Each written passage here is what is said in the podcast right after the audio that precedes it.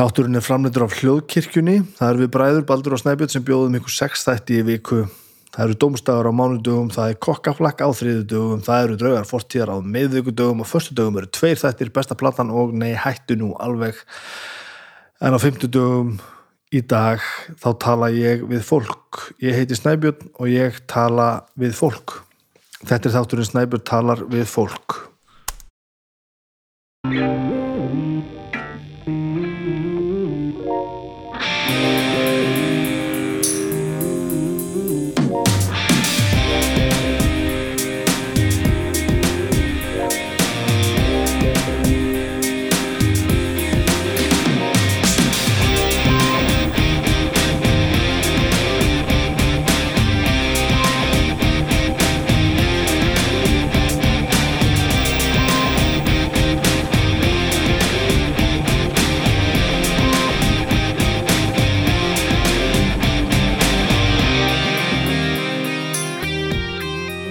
Gleðileg jól.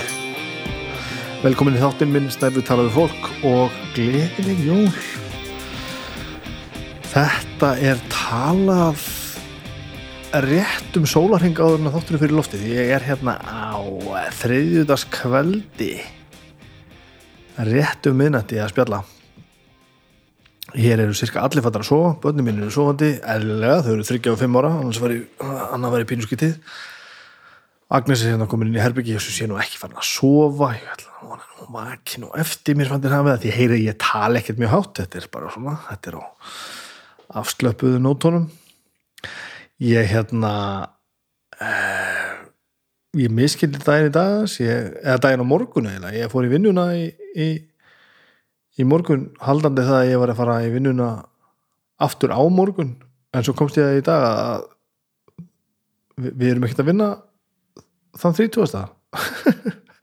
starfsfólk Pippars bara var búið að koma í þannig fyrir og allir verkefni voru klárið í dag og við, við erum bara á standbæði fyrir þann 30. og þannig að ég kom bara heim eftir, eftir, eftir vinnu í dag og bara þarf ekki að mæti vinnun á morgun sem er auðvitað frábært en, en, en pínu skyttið þegar maður er búin að gera ráð fyrir þannig að ég sitt nú bara hérna á, á þriðja bjór og er að hafa gott og ákvaða að skella í þetta í, í það sem þurfti að taka upp fyrir þannig þátt svona bara meðan ég hefði tíma. Sem er frábært sko. Milli jól og nýjás maður. Stjöfull var þetta gott. Og er gott, jólin. Ég hérna ég var gríðalegt jólabat þegar ég var yngri. Alveg, alveg svakalegt bara og það var svona ég var engabann í hvað, sex ár. Svonu fóreldra sem að, sem að fluttu millir landsluta fóreldra minni bá, báður hérna, þeir voru bæði hérna að sunnan fluttu með mig norður með enga tengingu þannig að, þannig að ég man ég, ég raun ekki eftir neinu heldur svona mínum eigin jólum, þau voru ekki mikið á sínum eigin fóreldrum að að, að hanga í gömlum vennjum heldur voru svona þeirra jólavennur tóku yfir strax. Þannig ég átti alltaf mín jól sko. Svona, já, ég, mamma og pappi og síðan sískinni mín þegar þau fættust svo stundu komu um amma og afi. Ég man eiginlega ekkert eftir ekkert eftir að hafa hérna að hafa verið fluttur einhvern veginn sko á önnur heimili yfir allra heilaðasta, við vorum alltaf bara heima. Það var svona okkar siður urður strax sterkir sko. Og svo bara þá byggum við á laugum í Reykjadal síðan fluttum við til Húsavíkur og ég var alltaf bara svona ógislegur úlingur og fór, fór svona að halda þið fram að ég þyldi ekki jólin og eitthvað svona. Eða svo svona eftir því sem að áleiði þá þá hérna þá lærði ég að metta jólin eftir og var gríðar eitt jólabann og svo bara svona líður tímin einhvern veginn og maður verður 35 ára og þú búið að upplifa sko 35 jól á einsás fresti og þetta fer að vera svolítið svona same old, þá er góð hugmynd að eignast börn um, ekki þessi eina góð hugmyndi fyrir það eignast börn en, en það að fara að upplifa jólinni gegnum börni sín svo allt í einu, það hérna geraði verkum að hérna þetta verður alltaf aðeins stærra og meira og eitthvað einn stórkostleira þannig að, já, ég er svona að upplifa ég er svona endun í að jóla andan þetta er búið að vera mjög gaman síðustu ár og, og bara betra og betra eftir því sem ári liða og núna náttúrulega Anna voru fimm ára, Björgvin þryggjára þetta er, þessi jól voru þetta var frábært sko, þetta var ekkert eðlilega gaman. Eh, þetta var óbúslega afslappað. Við vorum bara hérna heima. Við vorum hérna fjögur og með bóða bræður og Agnes, Agnesar í mat og þetta var bara það var allt einhvern veginn. Það var frábært sko. Hambúrgar ekki matinn, ég fór í melabúðina og kipti hérna eh, já, ég fór í melabúðina og kipti úrbyrniðan hambúrgarsygg kom með hann heim og Agnes sendi mig aftur út í búð að köpa annan. Ekki að því að það var ekki nóg í matinn heldur að því að við þurftum að eiga nóg fyrir þess dagana sem eftir, eftir koma sem var rétt. Vegna þess að ég man ekki eftir því að hafa hérna, hent hambúrgarrygg á æfinni ég held að afgangunir þeir klárast alltaf. Ég er að spáða að köpa bara þrjá á næstarfi ég held að það leysir þetta. Það leysir ekkert en, en það, það skemmir ekki fyrir allavega. Um, og það var bara það var frábært. Ég hérna ég er nú ekki, ekki stórkostlegur í, í, í eldhúsinu en ég, ég, hérna, ég kann alveg á kjöt sko. Og ég hérna ég tók að mér að hérna ég, ég já, ég súvíðaði þetta í, í fjóran og hálfan tíma og þetta var alveg gefsamlega lunga mjúkt og alveg geft svo bara hendur við þessu njófni einhverjar einhverjar, einhverjar mínútu með, með einhverju sem við smurðum utan á þetta þetta er búðusíkur og sinneb og eitthvað gott og þetta var allt saman alveg gefið þetta var allt alveg gefið sko. Og svo náttúrulega Agnes náttúrulega galdraði fram restina af þessu og þetta var einhvern veginn frábært og allir borðuðu mikið og það var ægilega gaman og þetta var bara þetta voru mikil jól og einhvern veginn jólaskapið alveg, alveg frá því ég tók viðtalið við Helgu Möller fyrir hljófarási þennum daginn, ekki tekka á því á, hljó, á, hérna, á Facebook síðu hljófarásins það, það er ég búin að vera í gríðalegu jólaskapið og þetta bara held áfram út í gegn og er ennþá eiginlega. Það var ægilega gaman, svo bara hendur við upp á þetta velina og, og ég hérna ég er svolítið búin að gefast upp á því að synda mútið strömmnum, ég, ég var með háleit markmið áður en ég egnaði spötna ég ætla að alaði upp svona og hins einn, það er samt bara þannig að núna elskar dótti mín blóma kjóla og sonu mín elskar risaðilur, það er alveg saman hvað maður gerir, þetta er bara, þú veist þau verða bara hann vil bara Lion King og hún vil bara Frozen og ég veit ekkert hvaðan það kemur. Það er bara þannig. Þannig ég fór í Nexus og, og kefti svona svo metestlanga risaðilu þetta böbba risaðilu sem að getur önnur dýr. Það er búið að leika sér stanslust með það algjörlega. Og Anna fekk tvo blómakjóla sem að snúast sem, já, sem, sem, sem sveiblast þegar hún snýsir og alls konar eitthvað fleira gott. Þetta var bara mjög ógeðslega stýra og típiska gefur og það hittu gásanlega í mark og allir ægilega glæðis og ég já, þetta hefði ekki gett að vera betra. Þetta var frábært. Og ég held ég þurfu ekki að fara hún í smáðutrönu þessu. Þetta var bara, þetta voru, þetta voru gríðalega góð, góð jól, ég, ég fekk hérna fekk eitt um, áhugavert í jólugjöf frá sískinu mínum og, og viðhengjum þeirra ég fekk kaffikvörn uh, hérna komum við náttúrulega yfir á, yfir á styrtraðara þáttsins, þáttsins þáttarins. Reykjavík Róstes, ég er náttúrulega búin að tala mikið við, við fólki á Reykjavík Róstes um, um, um, um kaffi almennt. Og, og áður en, en þetta samstarf kom til þá, þá, þá malaði ég kaffið sjálfur hérna heima. Ég var með svona old school kvörn litla svona sem er bara svona að þú heldur inn í takkanum og því lengur sem þú heldur inn í því fýtna malar malar kvörnin kaffið.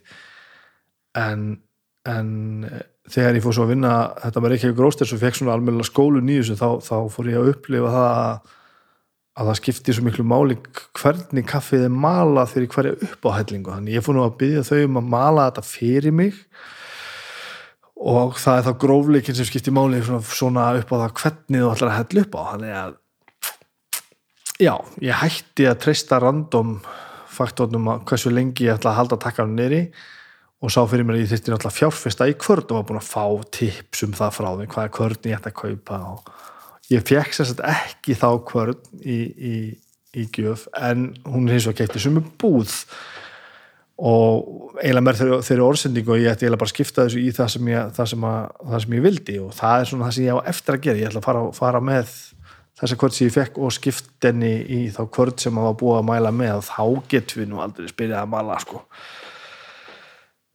Sem er ágætt að því ég þarf ekkert að byrja að mara strax að því ég er búin að ég kefti svo mikið kaffi fyrir jólina ég er, ég er, ég er ofta að vinna á þessu fram í allavega miðan janúar sko talaði með síðastu, síðasta þetta ég var búin að kaupa jólakaffið og ég tímdi ekki þetta hérna ég tímdi ekki að, að, smakka það fyrir þann þátt þannig að já, það var svona það var eiginlega milli matar og pakka sem ég, sem ég og, og Svenni Máur smökkuðu það sko. Og það er þetta hérna sem ég er með fyrir frá mig. Það er, ég, ég kefti hérna El Volkan með rauða miðanum. Um, mjög áhugavert að ég var búin að vera hérna að drekka La Cascada sem er hérna svolítið svona aggressíft og, og svakald kaffi. Og svolítið áhugavert að koma yfir í El Volkan sko. Það, það, það varð svo venjulegt að því að La Cascada er svo það er svo óbúslegt að, að, að, að svo þegar maður kom hérna yfir í bara svona venjulegt kolumbíu kaffi, venjulegt segi ég en þú veist, það er óbúslega kryddað og, og, og fullt og mikið bræðaði og fyrst var þetta svona pínu svona undervelming að því við höfum verið að þamba hitt. En svo settist við einhvern veginn bara niður og þá hérna já, þetta er mjög þetta var rosalega svona herti hvað er orðið við það? Svona um, mér langar ekki að nota orðið staðgott yfir kaffi, þetta var svona næstu því staðgott kaffi.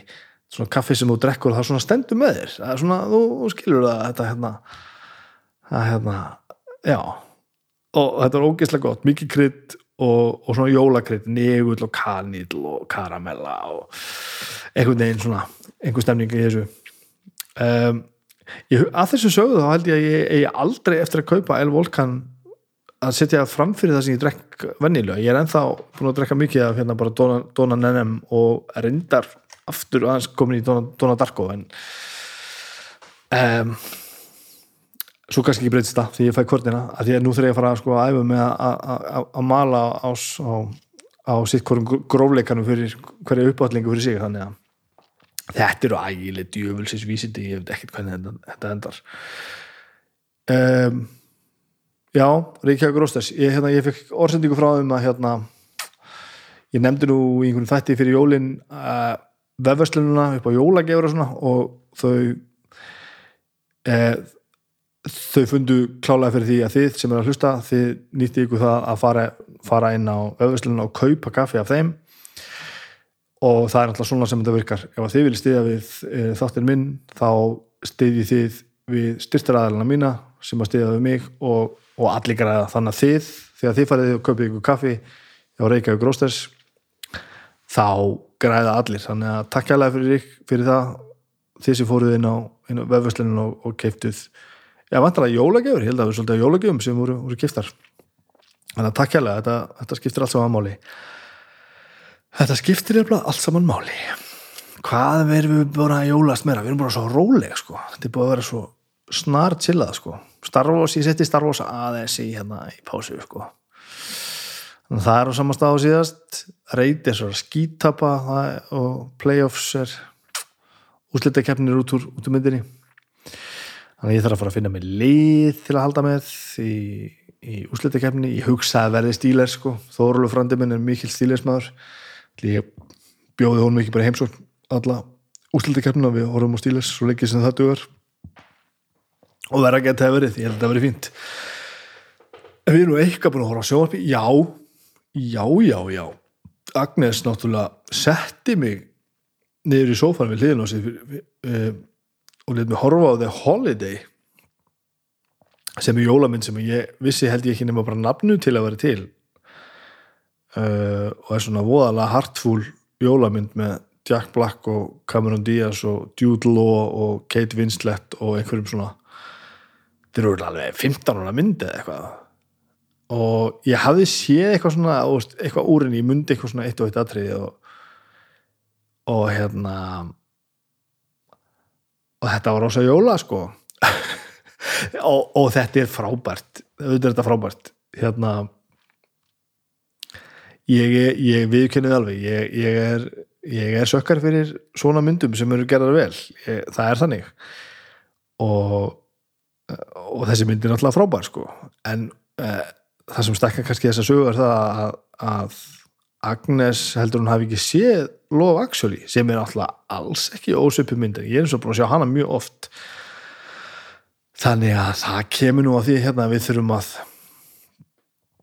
við þurfum að gera það, við þurfum að horfa, horfa á Love Actually og, ég vil bera það saman þetta, er- svona þetta getur í keppni, hvor, jólamyndin er betri. Love Actually er alltaf stór kuslemynd og sem allir er að sjá allavega einu svona tíu ára festi skulum ekki gefa þið meira heldur en það um, já, það er eitthvað við þetta. Bara að slaka á þessu og, leifa þessu bara að gerast. Horfa bara á þetta og, og, og leifa þessu bara að finna þetta fínt. Að vera að spila á alls konar tilfinningar og, og það, það er bara gaman. Það er bara ljómandi fínt. Þannig að þetta er nú búið að vera gott. Eins og því ég heyri það að ég er alltaf alveg slakur. Um, og þetta er bara búið að vera eiginlega vonum framar. Nú bara, bara áramótunum eru framöndan og við erum með planum að heimsækja vinum okkar á skaganum, fara þangað. Heldur sem að senda annað barni okkar norður. Við ætlum að vilja gista bara á skaganum, slaka bara á koma heim, þetta er gott frí. Og þetta er einhvern veginn bara allt saman fullkomlega hárétt, þannig að bara voru ós, svo óskaplega að þetta sé gott hjá ykkur, þetta er búið að vera algjörlega frábært. Þetta er nefnilega búið að vera hansi gott sko. Gestur þáttarins í dag er Baldvin Seta Baldvin Seta eh, alltaf kveikmynd að gera maður leikstjóri, fyrst og fremst eh, og náttúrulega stjórnu stjórnu einstaklingur þegar kemur því búin að gera óbúslega hluti, við tölum mikið um, um myndindur hans. Ég set hana sama fyrir var að þetta viðtalið svo mörg önnur, það er svolítið síðan það var tekið og tekið einhvern desember. Og ég byrði ykkur að muna það ef að kom ykkur referensar um, um, um COVID eða fjarlaga takmarkanir eða eitthvað sem ég er ekkert vissum ég man ekkert hvort við tölum um, um eitthvað svo leiðis en þá breytist þetta rætt og mögulega erum við að tala um eitthvað þarna sem, að, sem er svo ekkert svo leiðis í dag. Hann kom náttúrulega færandi hendi með, með vínilplötu sem hann var nýbúin að gefa út með, með bandinu sinu Tóimasinn við tölum um Tóimasinn og eftir því að heyri sögun af því. Þessi plata er náttúrulega glæsileg algerlega glæsileg og, og hún er ekki alveg batsins tíma þó þetta séu, börn, börn, þó þetta séu lög sem voru tekin upp núna óbreytt frá því hvernig þið voru samin fyrir 100 ára síðan eða hvernig þetta var. Uh, en að því ég man eftir þessu eins og þetta var og þá, þá var þetta pínu svona já við förum aðeins inn á númutal hérna umræðuna á eftir því heyrið aðeins um, hvernig þetta, þetta kemur til. En Jenny sem að mörg ekki að þekka sem Jenna í Brain Police sem alltaf söngverðin tóma sín hann, hann tók sér til að breytti svona aðeins því sem var svolítið svona tíðaranda söngur þess tíma og söng þetta aðeins öðruvísi inn núna. En þetta hljómar ekki svona gamalt eins og þetta er. Ég veit ekki hvað ég á að segja þetta. En ég er búin að renna sér plötu hérna nokkuð sinnum og hún er alveg, hún er glæsileg. Og þó ég sé nú ekki beinu samstarfi hér, þá vil ég nú samt nefna að, að, samstarfsaðili bestu plötunar um, plötubúðum.is á þessa plötu eh, til sölu á vínil, þannig að farið þangað einu pantiðan og fá þenn að senda heim og hlusti á þetta, þetta er náttúrulega þetta er hérna, þetta er mikilvægur þetta er, þetta er hortsteinn í íslenski tónlistarsögu eins og við komum inn á eftir. Svo förum við náttúrulega yfir hérna allt hérna sem hann hefur gert í sambandi við kveikmyndagerð frá upphafi og það er nóg að taka, hann er búin að gera æfintilega margt. Og svo náttúrulega já, förum við á dýftina og við bara búið ykkur undir það. Það er svona, það eru hlutir hérna sem að var svolítið erfitt að ræða. Um, nei, það er ekki rétt. Ekki erfitt að ræða. Uh, en hefði geta verið erfitt að ræða. En, en um, hann kom inn í einhvern veginn með þeim heilindum að þetta, þetta var ekki, ekki flókin umræða. En já, við fórum vissulega á dýftina. Það er klálega þannig það er klálega þannig. Um, já, ég held að sé ekki eftir henni að býða, við skulum hlusta á mig og Baldvin set tu, seta. Jó Baldvin, hérna við eldursporið fyrir jól einhvern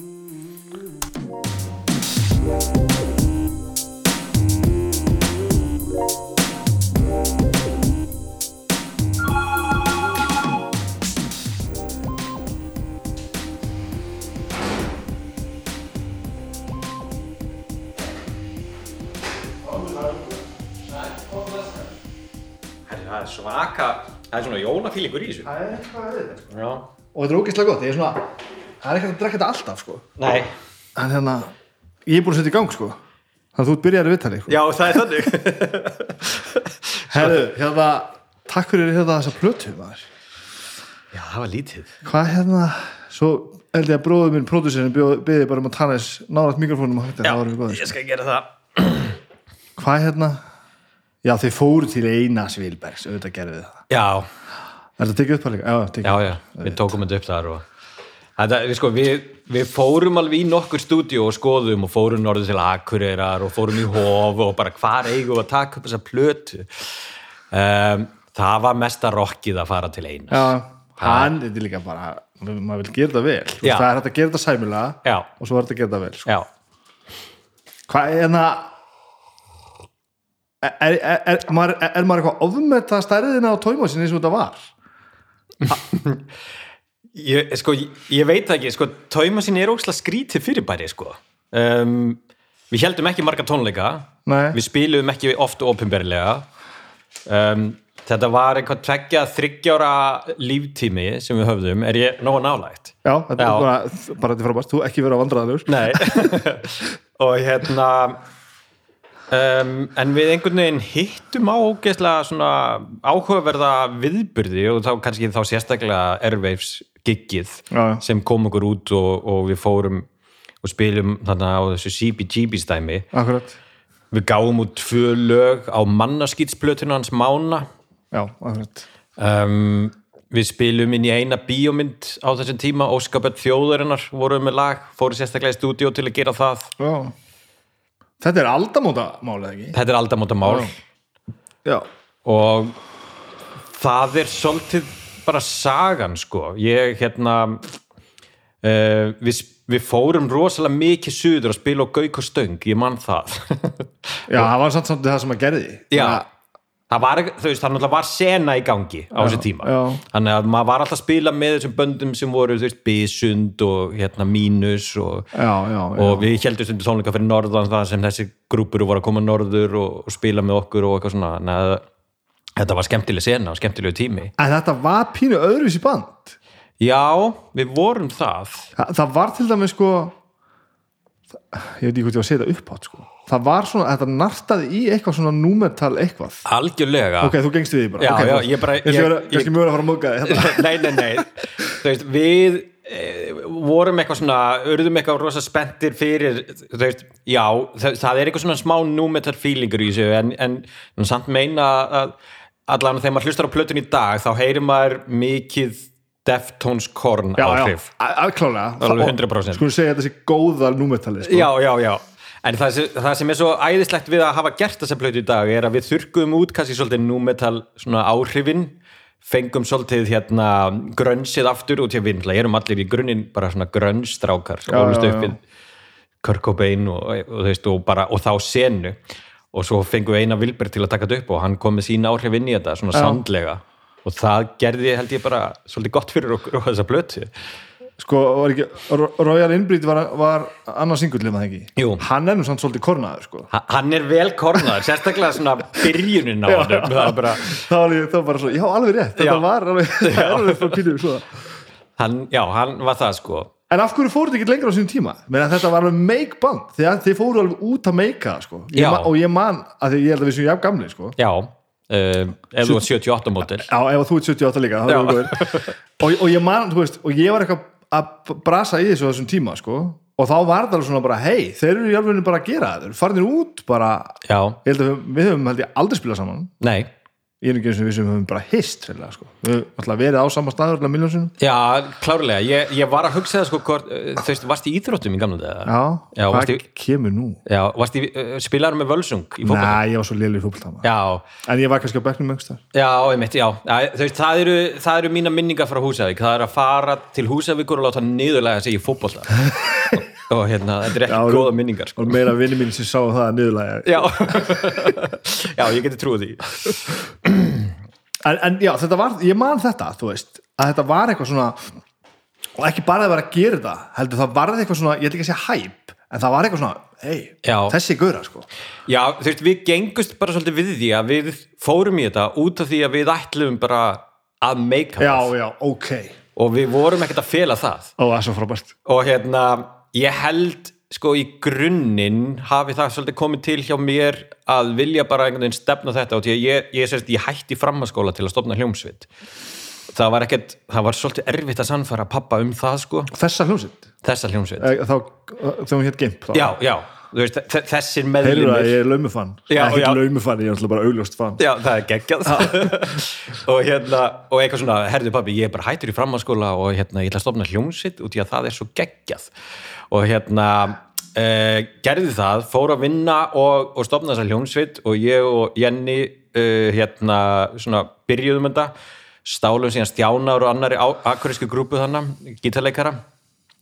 Og ég hef nú alltaf sagt að Stjáni er svona eini alvöru hljóðfærarleikarinn í bandinu. Það er gott að hafa svoleiðis, ég, ég, ég þekki þetta líka. Já. Uh, Ég og allir höfum svolítið fyllt honum eftir en svo voruð náttúrulega bara sko, uh, sko fyrsta skipti sem ég heyrði Jenna syngja þá, var ég, þá vorum við ekki nema 15 ára. Við vorum nýbúin að kynnast og hann eitthvað svona ég er að guttla á gítar og syngja eitthvað og ok, förum og hérna pröfum. Ég var að, var trommur uh, var í tónlinsskóla á þessu tíma ferum með hann um í sveit heyri röddin í honum bara ert að grínast? Já, þetta er ekki eðlilegt maður. Hvað er þetta? Þannig að frá 15 ára til 18 ára aldurs var ég alltaf bara svona býðið tækifærinu að stopna þetta band með Jenna. En hann fer alveg að stopna band hann í millitíðin og gerir eitthvað og svo stall ég tveim meðlumum úr því bandi. Þannig að þú ert mastermandið að búa þetta til sem sagt? Ég vil nú ekki kannski meina það en ég er allan að ég stál strákonum yfir og, og ég og allir hérna kynnumst eila í, í vaffima í einhverjum hérna uh, við vorum báðir að hérna skrópa í tíma og hérna hittust í í hérna, hvað hétt þetta aftur? Það sem allir hittust alltaf í Vafema Grifjunni Ah. í Vafema. Og þá vissi ég að hann var einhver svona gamall bassaleikari úr síðuskóla. Spurði hvernig vildi ekki koma á hljónstæðræfingu kvöld með okkur. Og hann reddaði sér hauslausum kortbassa til að koma á þessu æfingu. Og hann var hættur að spila bassa held ég á þessu tíma. Og hérna og þetta var bara small frá fyrsta degi sko. Já, þetta var það þig að því að sko, þetta er rosa effortless sko. Það er einhvern veginn bara eins og allt hafi einhvern veginn bara, bara komið sko. algjörlega og sko við við gáum út plötu sem hljómsinn Gimp. Um, það er eina gefni sem við höfum gefið út á undan þessu. Já, þessi plata var tekin upp sex mánuðum eftir við stopnum bandið. Þannig að þetta er í janúar 1997 sem við förum í stúdíó.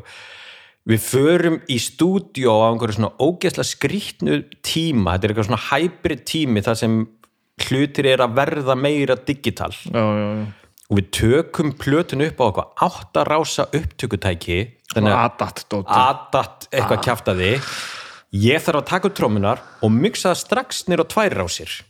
Þannig förum við inn í lokamixið með tvær rásir á trómum um, við vorum enga veginn tilbúin að taka upp þessara plötu en við gerðum það og lærðum ógeðslega mikið á því og gáum hana út svo komu dómanir var það að Ég held að við höfum toppað uh, slátruna sem í svörtu fötum fekk einu sinni. Og ég miða alltaf svolítið við ha, þá slátrun.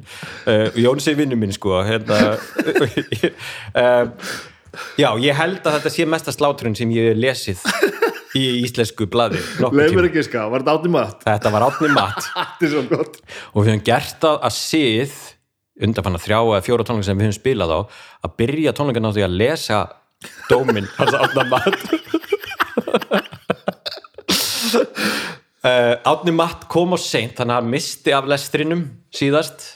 En hérna en sá seinti helmingin á tónleikunum og hann voru ánæði með þetta allt saman þannig að uh, en við höfum oft spjallað við Átna eftir þetta og hérna erum góði vinnir uh, hann og allir eru reynda mjög góði vinnir ég held að eigi börn saman í fótbolta eða eitthvað. Já, já. þetta er svo fyndið.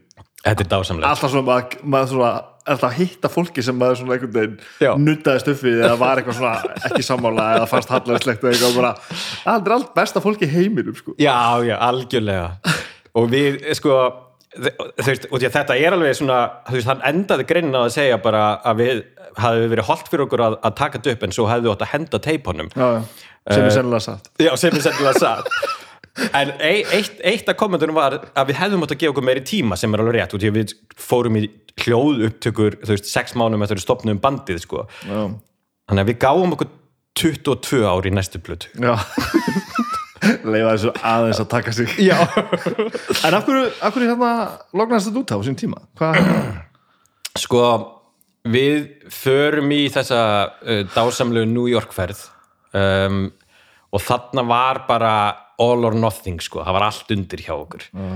Við fáum eitthvað tækifæri að spila þarna á kvöldi og CBGB's uh, á vegum Askap og þetta var svona bransa kvöld.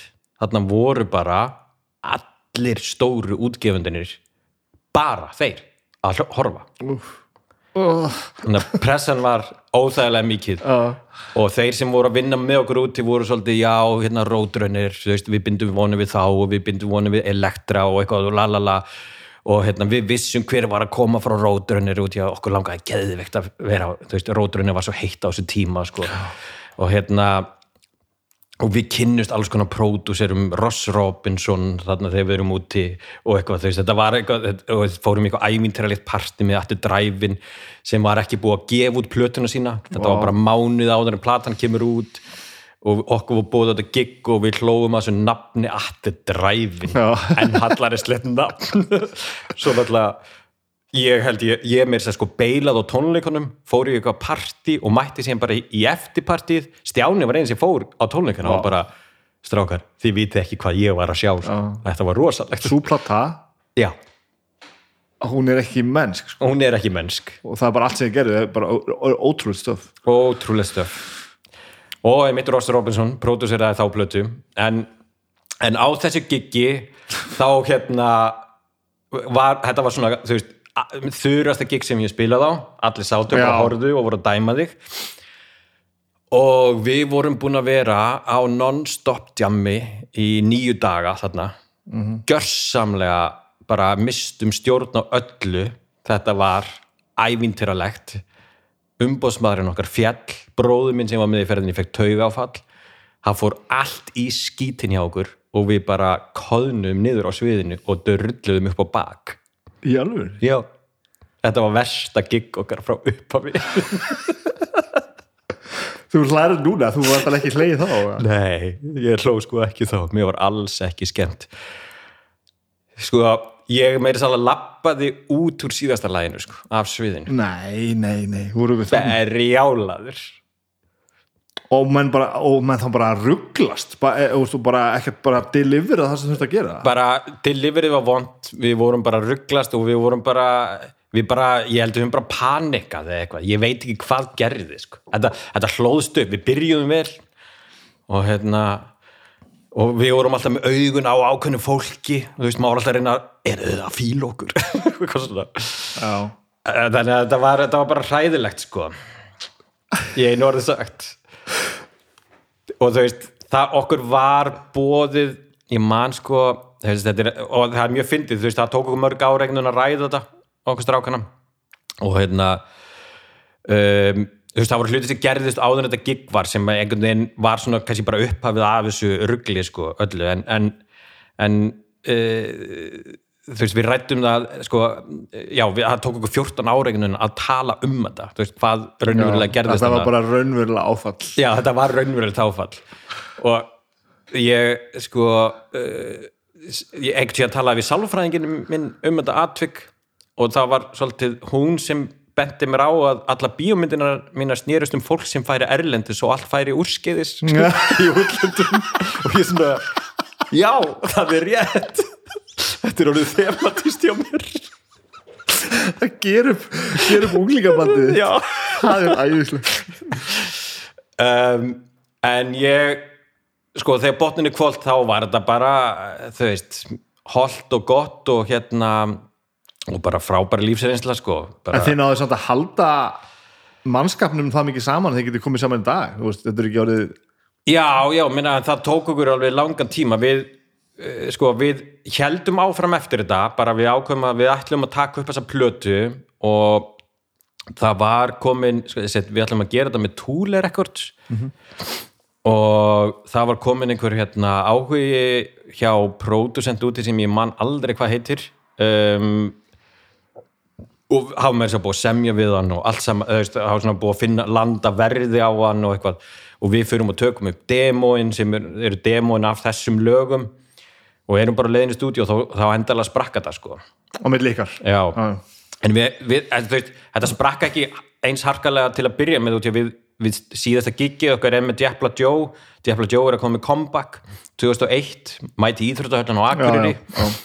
og, hérna, og við spilum með þeim þar og, og, þá, og við vorum þá búin að ákvað það er því síðasta gigið og við ætlum bara að halda allir síðan okkar. Já, þið gáttu allavega svona lent þessu einhvern veginn. Já, já, já. en, en svo einhvern veginn förum við alveg í sundur eftir það samt.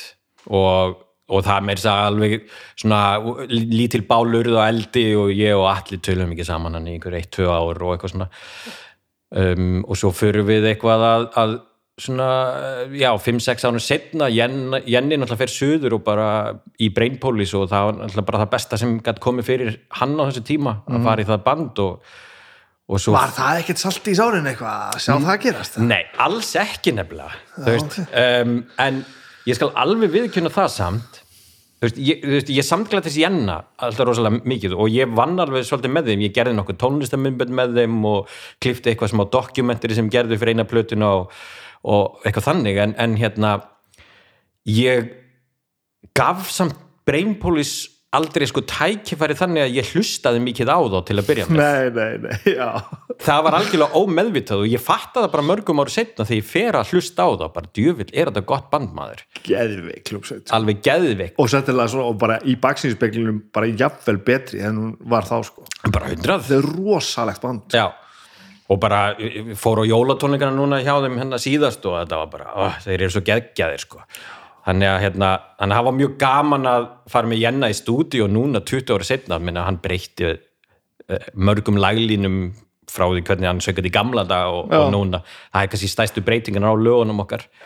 Hvernig hérna Jenni er að díla við lögin okkar í dag með að við var það bara þegar hann bara fann, fann sig ekki í hinnu? Já, allir hann, þau og við vorum bara svolítið litar af þessu nu metal pælingum. Já, já, já, já. Að aðeins að tóna niður stælana. Eða þá stæla. Að þá stæla sko. já, já, mikið er í fegin. Það er sérlega mjög góð okkur Já, mjög góð ákvörðu ég, hérna, ég var að spila með sko Hötta og Jómba einhverju vísi að einhverju hljómsveit eh, rétt áður en að þetta varð allt saman.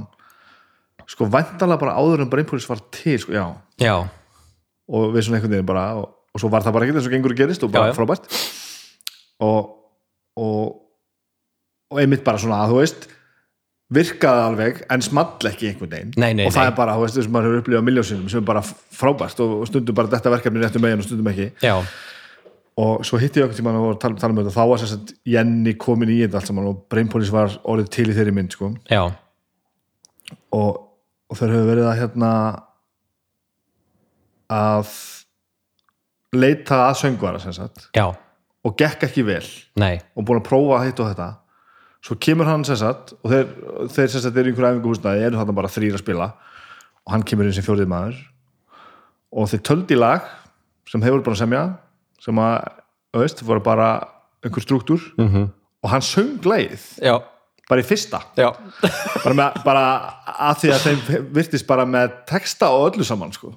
og þá bara, er svo ok, þetta virkar. Já, og þetta er það sem að Jenny náttúrulega gerir sko. að hann einhvern veginn bara mætir finnur sér bara í einhverju og þá er þetta bara 102% bara deliver svona svo gössamlega þannig að maður trúir öllu sem maður segir sko.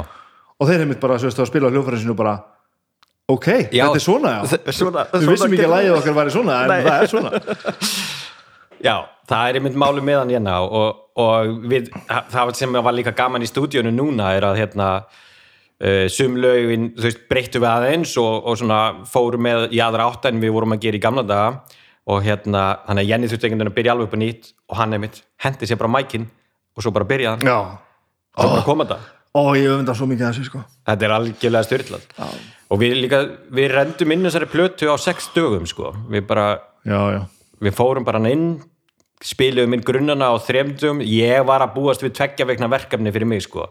Ég er ekkert að tromma hverjum degi.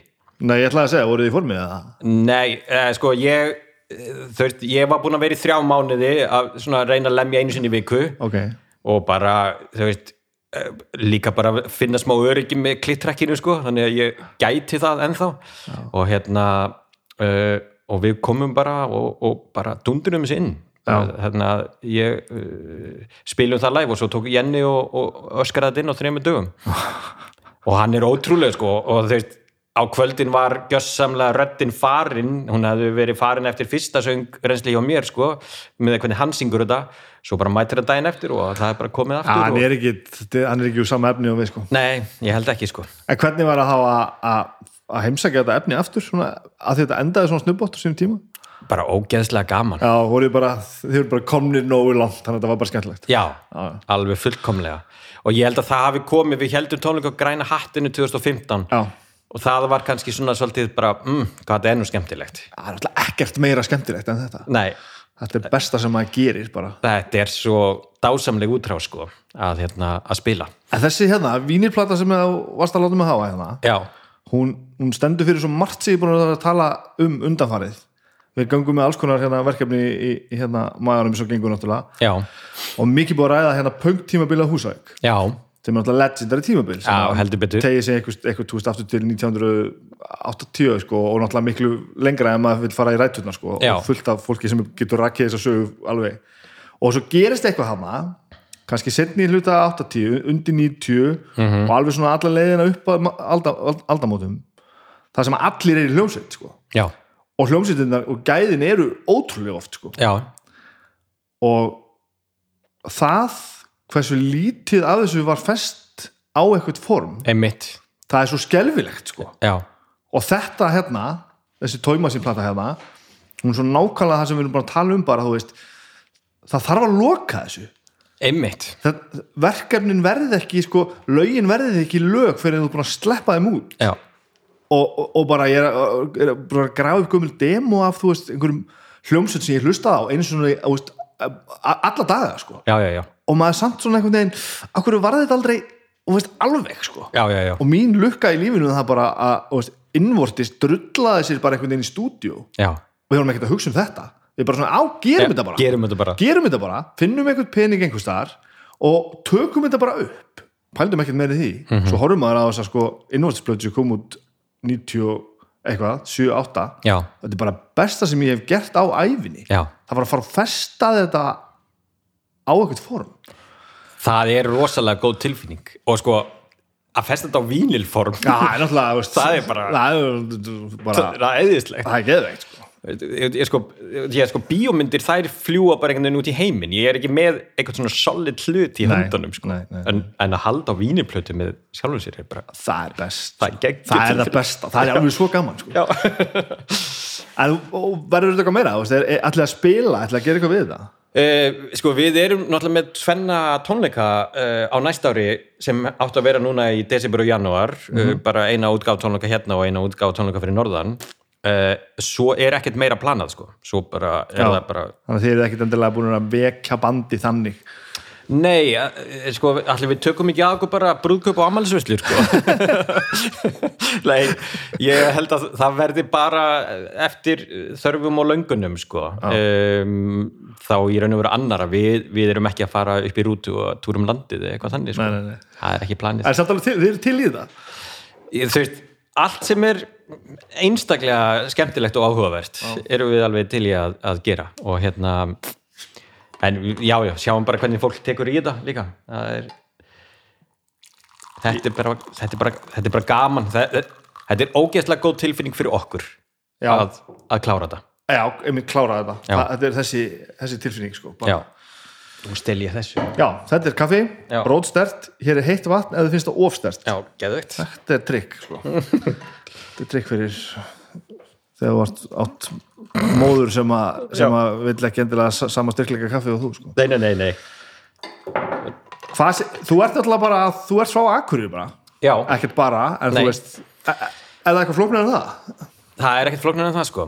Bara, uh, já, bara eiga fjöruður Þetta er rosaleg klíka hann á þessum árum hann já, já, já. Ofbúslega margi sem hafa gert eitthvað svona sem að skiptir einhverjum máli.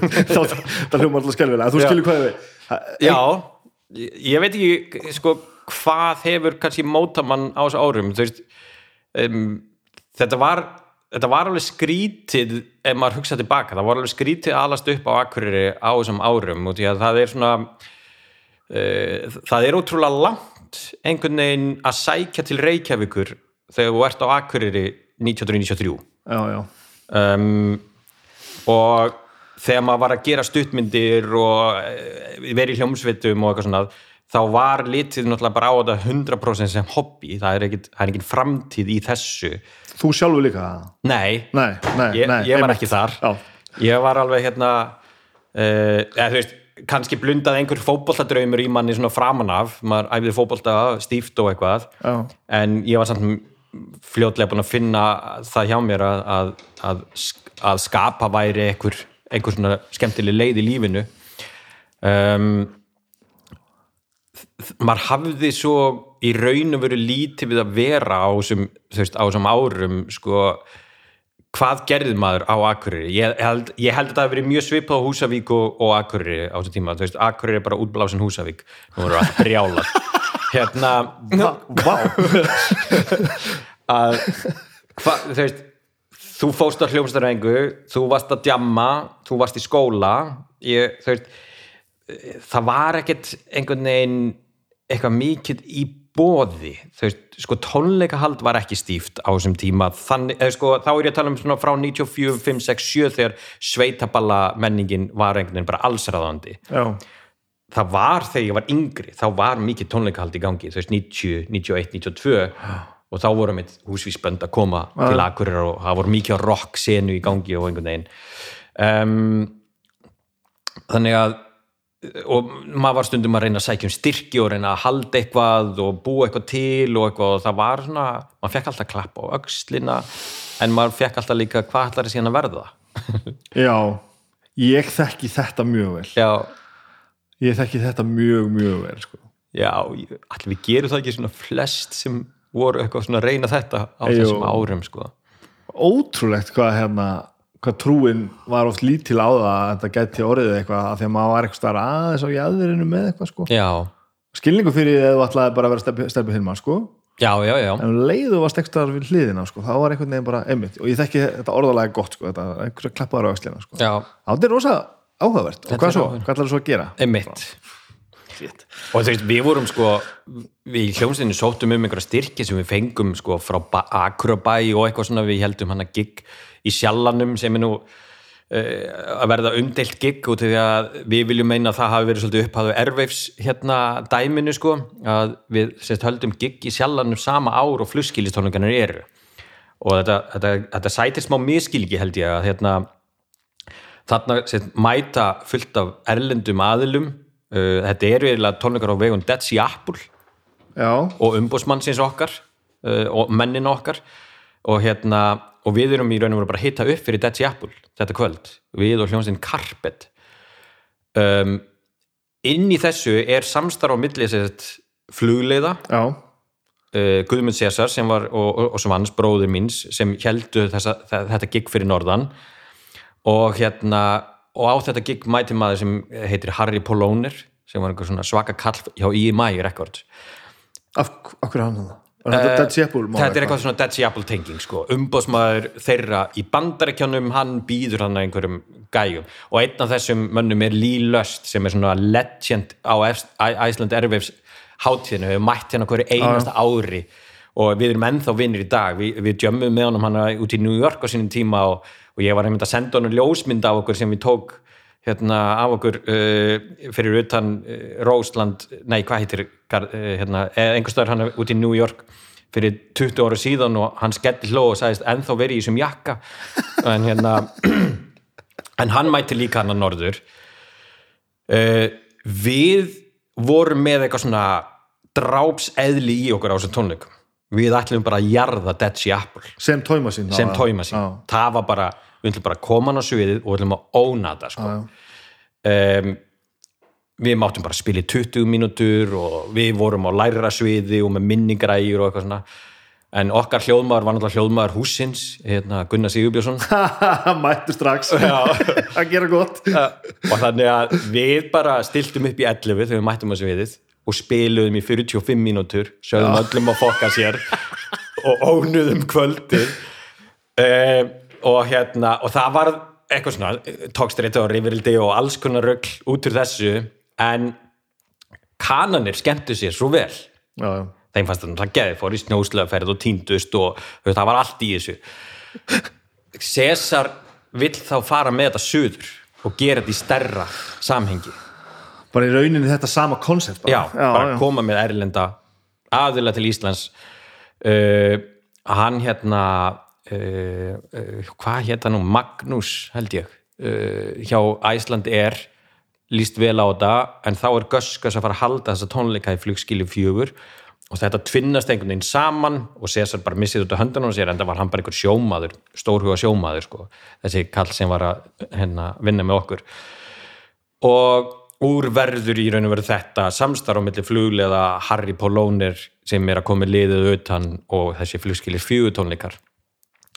Þannig að, og það er ekki spurning að Steini Stef sem tekur við þessu apparati, hann bara býr síðan þetta til og þetta verður að þessu fyrirbæri sem þetta er í dag. En nestin kannski er þetta sem að gerast fyrir norðan? Ég myndi halda það en hvaða miskilningar þetta tala um? þetta er sagan sem ég held að ég Já, ég, þekki ekki kannski þess að dítela en nei, mitt, ég var svona bara eitthvað að lesa um netinu daginn og það eru svona uh, ákveðna svona rattir um að við séum eitthvað svona að reyna að eigna okkur það að hafa byrjað með erfeifs og eitthvað bla bla bla já, já. það, það er ekki það er ekki málið sko en þetta er svona neisti sem verður til þarna sem verður síðan að klárlega að báli um, þú veist okkur fannst kannski mörgum ára setna svolítið bara þessi hluti hafa verið svolítið gleymdur. Þannig að við vildum svolítið ítæði á og þegar César dó uh, að hérna þá var það mér svolítið mikið hjartans mála einhvern veginn að að koma þessari sögu af. Já, já, já. og hérna rétt skal vera rétt. rétt skal vera rétt, einhvers stað byrjaði þetta. Og við áttum ekkert að fá að spila á þessum flugskilis fjögutólningum það var, það var hérna okkur var alveg banna það og tóku bara þátt í þessari hlustetakeppni sem allar hinanlega tóku þátt í til að reyna að komast þarna inn. Já, ok. Og hérna og við unnum það bara með svindli sko. hvernig við bara fengum, sko exið náðist ekki til akkurir ástu tíma þannig að við vorum alltaf að, að í samstarfi við Frostrásinni fyrir norðan Cesar fyrir sunnan sko, alltaf að ringja á hverju kvöldi, þetta var einu sinni kvöldi heila viku, bara ok, hlustakennir að byrja núna og þá var það bara auglýst á akkurir og allir á akkurir bara lögðist á eitt og ringdu suður. Bara kusu okkur inn í þetta. Þannig unnu við Kvarasi og Enzimi og Maus og allar vinsalustu hljómsið Íslands í ykkur hlustakefni uh, En þetta var þurft partur af þessu journey sem við vorum í. Við ætluðum bara að komast áfram no matter what. Þú ert að lýsa öllu því sem er fallegast og ljótast við að búa í frekar litlu samfélagi. Já, það voru þessi hluti sem geta gæst og þau eru bæðið svo gullfallegir og svo skelfilegir. Já, það er svolítið þannig. En svo er eins og við komum inn á áðan í dag er ég og Steinar í Dead Sea Apple bara Já. frábæri vinnir ég og Biggi Maus, náttúrulega búin að vinna Já. saman þetta voru allt menn sem við eitthvað svona uh, vorum að keppast við hérna í gamla dag það er svo gott að þurfa að ég til sín sko. Já, það er dásamlegt. En hérna hvernig þú veist, hva- hvaðan hver- hvernig gr- grunnurinn hjá þér hvaðan kemur, þú? Veist, fjölskyldur aðstæður og svoleiðis. Bara, sko og hvar í bænum bjóstu, það skiptir nú öllum máli Já, er ég er allan að réttu megin við Anna. Akkurat og ekki sens að giska hvorum minn uh, Ég er í þorpinu. Ok, Já uh, Elst upp í Holtonum á Akureyri. Um, Kemur bara svona held ég bara mjög svona típiskri svona millistetta fjölskyldu. Um, Pappi á sjó og smiður uh, mamma dagmamma og bara svona stór fjölskylda sjö, sjö manns. Fimm sískinni Já, já, já, já, við erum fimm sískinin Vá. og hérna ég er yngstur uh, var klárlega uppáldið hennar mömmu og hérna er, veist, ég er nefnilega svo langingstur sko, Já. eða þannig þú veist, þau komu öll á svona sex ára tímabili svo kem ég sex árum setna já, og en eh, kannski það sem svona veist, ég veit að lífið mitt eru svona nokkrir mælstónar sem svona þú veist, ég lítið baka bara já, þetta er tímapunkturinn sem allt breytist og ég fer alltaf lengra og lengra í þessa átt sem ég er í dag. Og sennilega sett mamma deyr þegar ég er 13 ára og í því eru svolítið löng veikindi svona baróta að lifa af krabbamein sem hún sigraði en svo veiktust hún aftur. Þannig að það, þau ár sem eru kannski mest í móðu hjá mér uh, og ég fattaði ekki fyrir en ég var án tvítur sko, þau eru í móðu hjá mér. Þau er svona, ég einhvern veginn svona uh, hérna, hef náða í þessu eitthvað um, en það eru klárlega árin það sem ég byrja að búa til sögur. Ég byrjaði svolítið sjálfur að búa til eiginlega bara minn veruleika þarna sko, Já, sem er bara svona flótti þá mennar við já, þetta er einhver flótti. Um, sko, ég, ég var alltaf að ímynda mér að lífið mitt væri allt öðruvísi á þessu tíma. Og var alltaf að búa til eitthvað svona, ég veit ekki hvað það var eitthvað svona hliðarsjálf en, en út frá því fer ég síðan að, að, að skrifa niður og ég bara því mér er bara tína þessari bók en ég, ég hérna, skrifaði sögur um mig í öðrum heimi er mjög skrítið að öðrum heimi bara, eins og þá bara ævintýra heimi eða bara svona hliðstæðum Nei, miklu meira ævintýra heimi sko. bara svona Já, ég, er ok. bara, ég er bara einhver allt önnum manneskja sko. og, og allt getur gerst í þeim heimi sko. um, í grunnskóla þá fóðra ég það í einhverja personu og ég fer að hérna, og ég man að ég fekk einu sinni að lesa þetta eina svona litla sögu í grunnskóla. Já, þú verður ekki einu sinni verið að fela þetta neitt Já, ég faldi að þetta væri um mig. Já, já, já, ok. En hérna og ég man að myndmyndakennari minn leifði okkur einhver tíman að sko föndra karaktera úr sögunum minni. Vá, eitthvað svona og, var, og, þarna, er, og þarna voru sko, það voru tveir kennara sem ég hafði fyrstu sjö árin í grunnskóla uh, sem spottuðu þetta hjá mér sko og íttu undir þetta hjá mér. Og hérna og það er alltaf svona ein og ein manneskja á lífsleginni sem svona hefur gripið það sem ég er og bara herðu, já, þú ert ekki hérna bókármurinn Baldvin. Þú vilt gera eitthvað svona. Já, já. þannig að ég ætla að reyna að gera eitthvað til að íta undir hjá þér. Um, besti vinnu minn í grunnskóla sem heitir líka Baldvin uh, á þessum árum um, hann á pappa sem er síðan kvikmyndatökumadur uh, Sigurður Hlöðvesson og var svona tökumadur Norðurlands á þessum tíma. Um, hann tók til dæmis fyllt af vídjóum á okkur þegar við vorum krakkar og, og það er mér segja, eh, mjög fyndi, ég fór einhvern til Sigga og náði eitt svona vídjó sem hann hafi tekið af okkur þegar við vorum að syngja í einhverju kór þegar við vorum sjö ára gömul það er allir að syngja nema ég. Ég er bara að horfa á myndatökumannin og er bara eitthvað svona bara að spotta hvað hann er að gera. Já, bara djúvillig þetta áhugavert. Ég man ekkert eftir þessu en það er gaman að sjá þetta, þetta hefur kveitna greinlega snemma. En við svona, ég og Baldvin fórum að stelast í græinu hjá pappans og stela kameru og byrja að mynda og eitthvað og, og hann endaði bara með því að taka eitthvað námskið og kenna okkur að klippa og eitthvað og við vorum ekki nema 11 ára gamlir. Þegar, já, já. bara svona á vídeo og hérna Hugsaðu hvað maður skuldar þessu fólki margt sko. alveg hrikalega. Bara fólki sem er mitt spottar hvernig maður er að hugsa og gefur manni pínu glugga inn í þetta sko. Já, það er svolítið þannig. Þannig að þar eiginlega, við gerum okkar fyrstu stuttmynd ég og Baldvin saman 1989 sko. Já, já, já, já. og bara er einhvern veginn bara eftir það hefur þetta verið rosalega einhæft hjá mér fyrir utan hljómsveita dítúrin sem ég tók að þetta var bara stuttmyndir. Og það var kennari síðan þegar ég var komin í, í eldri deildir uh, í 8. tínubekk og fór í annan skóla. Það var einn kennari sem leiði mér að sína og selja inn á stuttmyndina mínar þar sko, það voru ekki marga síningar, tværi eða eitthvað. Því ég var að reyna að sapna upp í kameru og kaupa mér videokameru og eitthvað svona.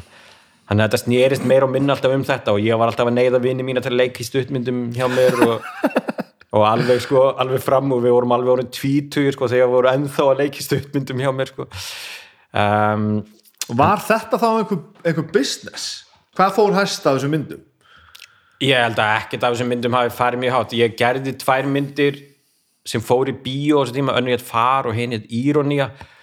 Uh, ég síndi þær í, fekk að sína þær í borgabíó. Þetta mókaði inn einhverju nokkundur manns. Nokkurum árum áður hafi Sæfa Guðmunds, uh, félagi bróðumins, sínt myndir sem slóu svolítið í gegn. það var þarna Neglið næst Neglið, og... já. Hann var líka sko komið það langt með þetta að hann var að fá liða sunnan til að hjálpa sér að taka þetta upp og bara og ég, ég man þegar voru að taka í mitt bensístöðamyndina sem ég gas. Gas, sem Óttur Bjarni leik, leikur um þetta í? Akkurat. Vá, hann kviknaði bara svona 15 minningum í einu bara. já, gas. Gas. Já, að Það er ekki myndir þessi stukku á bensinstöðinu og á flutningabíl jú, jú, jú, akkurát Þetta er legend stöf maður. Þetta er frábær stöf og þarna sko út í að þeir voru alltaf að taka á nóttinni uh, innitökur í sjoppinni og ég bjóð þannig við hliðina. Þannig að ég eitti ekki ófáðan stundum í klettum hann fyrir ofan sjóma, nei, fyrir ofan sjálfstöðin og fylgjast með þeim að Já, gera þetta jöfnvel er þetta spennandi maður. Klörks skotið alla leið sko. Bara Já. klörks er gennilega bara Þetta er, já, rosa mikið klörks í þessu. Þetta, þetta er eftir klörks ekki? Já, það lítur að vera. Er þetta saman tíma?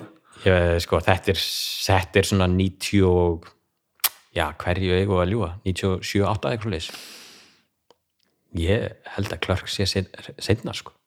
En það ekki? Nei Klörks er fyrr. Mm. En það skiptir ekki öllum máli. Ég hef líka haldið að þetta árið fyrr En ég hef ekki hugmynda Nú er ég bara já, Þetta er myndina sem að Gaurin hlusta alltaf á Bjarni Fel í bílum það var með svona best of Bjarni Fel. Jú. Djúvill það fyndið maður. Það er mjög gott. Það, og þetta var bara eitthvað svo góður húmor Já, í þessu strákum. En varstu þú að fara eitthvað í, í fótsporinu þessu? eða? Já, þú veist, mér fannst allt sem þú veist, ég leit rosalega mikið bara upp til Sæfas og allt sem þeir voru að gera og mér fannst þetta, þú veist, þegar ég kom í Vaffum að þá tók ég við filmuklubnum sem þeir höfðu stopnað Já, og, já, já, og held áfram með það og ég síndi myndir í, í hérna á ársatíðum og eitthvað einhvern tíman var ég beðin um að sína ekki afturmynd uh, ég síndi alltaf langa og leiðilega myndana ég ætti ekki að gera þetta svona. Svo tók ég þátt í einhverju keppni. Já það er nú reyndar eitt sem er sjúklega fyndið sko. Ég er sko, Villi Nagbítur veit þetta alveg, ég hef rætt við það en ég var alltaf í öðru sæti. Villi var alltaf í fyrsta sæti. Ég þoldi það ekki. Helvitis káa gæin maður. Í fótbolta og handbolta un- vann liðans Villa alltaf. Það það var bara, það bara regla. Í hljónstæðakernum þá vann Villi Nagbítur alltaf. Fyrsta stuttmyndi getur ég tekið þátt í lendi í öðru seti, Villi vann ég var orðin svo pyrraður á Villa. Bara alltaf skal Villi vinna allt. Við hlægjum á þessi dag, þetta er mjög fyndið. En hérna uh, og sko ég einhvern veginn ég horfði einhvern veginn alltaf á það þannig að allt sem ég hef gert hef ég alltaf þurft og það er bara holdt að hafa ógeðslega mikið fyrir. Já, og en það er held ég bara eðlilegt að manni líði þannig. Um, ég hef aldrei fengið eitthvað uh, og að sko ég fekk svo mikið um það þegar órói kom út á sínum tíma. Bara, já, hérna er þú bara allt í einu komin með bíómynd, bara, fegst að gera þetta bara, bara nei þetta Já. tók mig alveg 20 ár Já, já, að komast já, á þennan stað sko. Um, og, og það er kannski stæsta svona leksjan í lífinu, það er einhvern veginn að gefast aldrei upp, ekki, ekki eins og þó að fái versta plötudóm allra tíma. Nei og þetta, ég, þarna get ég ekki verið meira sammálaði sko. Já. það er þetta þegar einhver heldur á og sést allt í einu komin sko. Nei, veistu hvað ég er búin að gera mikið til þess að komast hingar sko. bæði gott og slæmt, hluti sem gengur upp hluti sem gengur alls ekki upp. Einmitt, og bara, og, og hérna og svo fæ ég stundum hérna bara hvað hérna, verður bara alltaf gulli sem við kemur nálægt, nei, Nei, þú bara sérði ekki það sem fyrir ruslið sko. sko. Það er bara svo langt frá því sko. já, já en þú, við náttúrulega vorum í þessum grunni og, og þessum hana veikindar árum já, hennar mömmu og, og sko ég held alveg fram að tvítu að þetta hefði ekkit haft það mikil áhrif á mig sko. En svo þegar maður fyrir að fatta hvað þetta hefur mikil áhrif á mann þá fyrir maður einhvern að spóla tilbaka og fara í gegnum þetta. Uh, í að þú veist ég byrjaði líka bara að drekka með þetta leiti og eitthvað þú veist það reynda var ekkit óalgengt á þessum árum að nei, nei, við gerum það. bara byrjar að fykta við alls konar hluti 12-13 ára gammal sko, sem er alveg bara fáranlegt um, en, en það er örugglega verið bara ástæðan fyrir að maður var bara alltaf veginn að á einhverjum flóta sko, undan, undan þessu sko. en sískinni þá komin upp undir og yfir tvítugt þegar þetta gerist þegar, þegar hún deyr. Já, áhugaverð staða að vera í að vera svona einhvern veginn eina barnið, við- ef við svona einhvern veginn stimplum á það. Já algjörlega og þú veist, þú veist ég átti engin samtöl þannig laga sér við þau á þessum árum um þetta ástand. nei, nei. og hérna það bara gerist einhvern veginn löngu löngu setna um, sýsti mín, eina sýsti mín uh, hún náttúrulega tekur mig einhvern veginn alveg bara í, í fóstur með pappa sko. Uh, og hérna þannig að ég er rosalega mikið hjá henni svona á úlingsaldri um, sem ég held að hafi gert alveg, þú veist, bjarga mér mjög mikið líka. Um, en svo einhvern veginn uh, þetta fer svona smá bara out of control hjá mér, þú veist, á þessum, úrlingsárum og hérna uh, og, þú veist, maður veit svo sem aldrei nákvæmlega af hverju en, en sko ég er svona ég er nú oft velt fyrir mér sko hvort ég er eitthvað að tala einhvern tíma um þetta sko. Um, en þú veist það, sko ég er nú sem alveg sagt alveg ópeberilega áður að, að sko vonastræti var mynd sem var svolítið byggð einhvern veginn á fjölskyldinu minni uh, að hluta til uh, einhvern veginn alin upp við það að, að uh, sko að afi minn er þú veist hafið gæst brotlegu gegn börnum sko. Og þannig að þetta verður einhvern veginn svolítið svona það litar líka svona einhvern veginn æskunum mínu sko að alast upp við það og svona fjölskyldu sprengingu þannig að ég þekkti ekkert einhvern veginn svona stóra hluta fjölskyldunar mömmu megin út af, út af sprengingu sem varð innan fjölskyldunar hjá Ava en svo hafði ég sjálfur lemt í þú veist sko nágrana þegar ég er krakki sko. Og ég einhvern veginn byrgi það inni út af sko fjölskyldumálunum já, tala aldrei um það. Og eiginlega bara svona rétt tala um það setna meir sko og hérna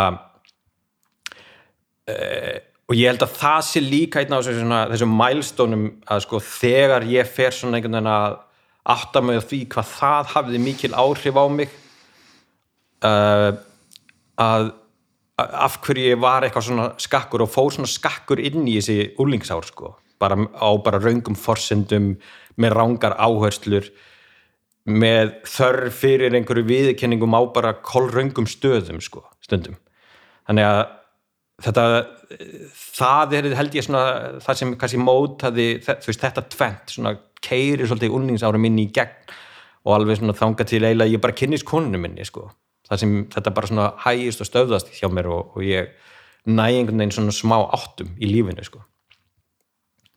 hvenær verður þú fyrir þessu? Ég er svona 6-7 ára, eitthvað svo leis Hvað gerist ég hef velt þessum óbúslega oft fyrir mér. Hvað finnst manni eins og þetta hafi engin áhrif? Fyrst eftir þetta gerist. Ég veit þetta er rosalega viðfem og ósangjöld spurning Já. en við hvað ég er að fara? Já, ég ég, sko ég held að sé bara þetta, sko það sem gerist, þú ert það ungur þegar þetta gerist að þú veist ekki hvort þetta sé rátt já, já, Eða já, rétt. já, uh, en það er eitthvað við þetta sem gerir það að verkum að ég næ einhvern veginn að bara loka og slauf þessu í mjög langan, langan tíma. En þú veist, það er ekkert fyrir en að maður fyrir að explora sjálfur þessa hlið í lífinu það sem maður finnur, herri, já, ok, byrju, hér er ekki alveg allt með feldu hjá mér, veist. Og við vorum fleiri strákar sem lentum í þessum gæja og hérna um, og ég hef bara talað við einn þeirra um þetta. Að þú veist að fleirum? Já, Vá. og hérna og ég er bara að tala þeirra og hann í raun og veru bara þú veist, við vorum 17 ára því og við vorum fullinir í bæ þegar ég nefna þetta og hann basically bara sagði mér að halda kjafti og Já. við ætlum ekki að ræða þetta neitt af hverju gerum við þetta? ég veit það ekki maður ég, nú, ég ekki segja við eins og að því ég hef bara, ég hef aldrei lendið neinu svona sko. en með allt sem að einhvern veginn uppkemur sem að einhvern veginn lendur á skakk við sko. já, hvað er þetta sem fær mann til þess að vilja hlaupa alltaf undan því? Ég veit ekki, sko, ég, veistu, ég, er að, ég er að segja þetta í fyrsta skipti ópenbarlega, Já, sko, hérna. Ok. um, og hérna ég hef ekki til dæmis viljað ég hef ekki viljað eitthvað setja mig eitthvað fórunarlambasæti uh, út af þessu. Í mínu tilvíki er þetta eitt skipti. Mm. og hérna en ég er með annað tilvík við mér sem eru mörg ár. Já, en auðvitað er bara eitt skipti bara nóg. En hérna en mér finnst ég bara hafa verið svo heppin í lífinu. Mm. otherwise. Já, og mér líður ekki eins og fórnalambi sennilega leið mér þannig þegar ég var úlingur og framan af sko. ég var rosa mikið fórnalamb um, en ég er ekki að gera lítið veist, úr því að vera fórnalamb það, það er allt í lægi, ég er bara hérna um, ég fjalla mikið um þetta í verkunum mínum og ég tala mikið um þetta og það er alveg ástæði fyrir ég er að tala um þetta í gegnum það sem ég er að gera. Og því að ég vill vekja málsásu og ég veist og það er líka alltaf saga bakfið sko alla gerendur. Já, og það er kannski það sem er áhugaverðast fyrir mig núna. Það er að, veist, af hverju gerir fólk þetta sko? Já, já, já. og ég leik mér að því til dæmis í vonastræti að, að karakterin sem Steini Bakk leikur hann er útigámsmaður og hann segir við lítið barn og leikskóla á fyrstu mínútum myndarinnar, voðalegt túsætt og áriðin bara fór þangað helvitis perrin mm.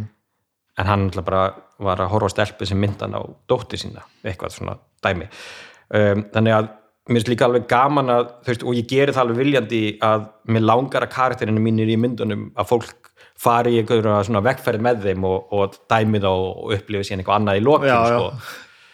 Um, ég oft hugsað um hann mann og bara hver er þessi gæi og ég hef alveg svona heyrt það eftir á að hann kemur úr shit í lífi sko, já, bara hræðilegu bakgrunnur. Já, já.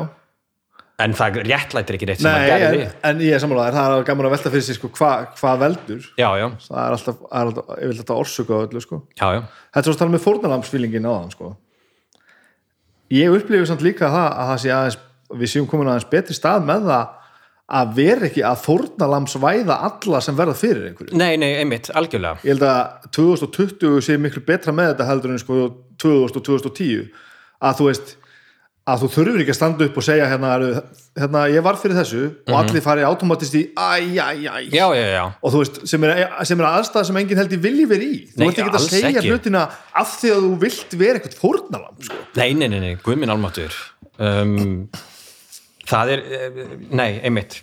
Bara, það er alls ekki einhvern veginn vekkferðin sem maður er á sko. Um, en kannski langar manni til að ná uh, til fólks og, veist, og það eru eitthvað fólk að núti sem er að velta sér upp úr þessu út í að það hefur lent í einhverju og, og hvert á að snúa sér og, og því að ég gekk í gennum tímabil sko það sem, þegar ég var úlingur, það sem ég velti fyrir mig bara hreinlega um kynheiðu mína sko.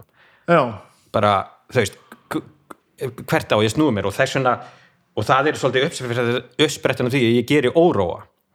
Að þar er, hún fjallar í grunninn um strák sem er að á þeim stað í lífinu, hann er að velta sér upp hvort hann sé samkynniður eða Já. gagkynniður og hérna uh, og það hefur líka verið svolítið svona þemi í mínu verkum að eiginlega vera með kynneigð sem eðlilegan part af Já. öllu. Já, það er ekkert eitthvað óvenjulegt við þetta ég velti þessu fyrir mér fljótlega eftir að Baldvin, besti vinnu minn, kemur út úr skápnum og hérna hann segir mér að hann sé samkynheiður og ég bara, þetta er frábært bara geðveikt, þú veist, þú er bara búin að finna þig og eitthvað og, og hérna, uh, og við bara endiðum í sleik.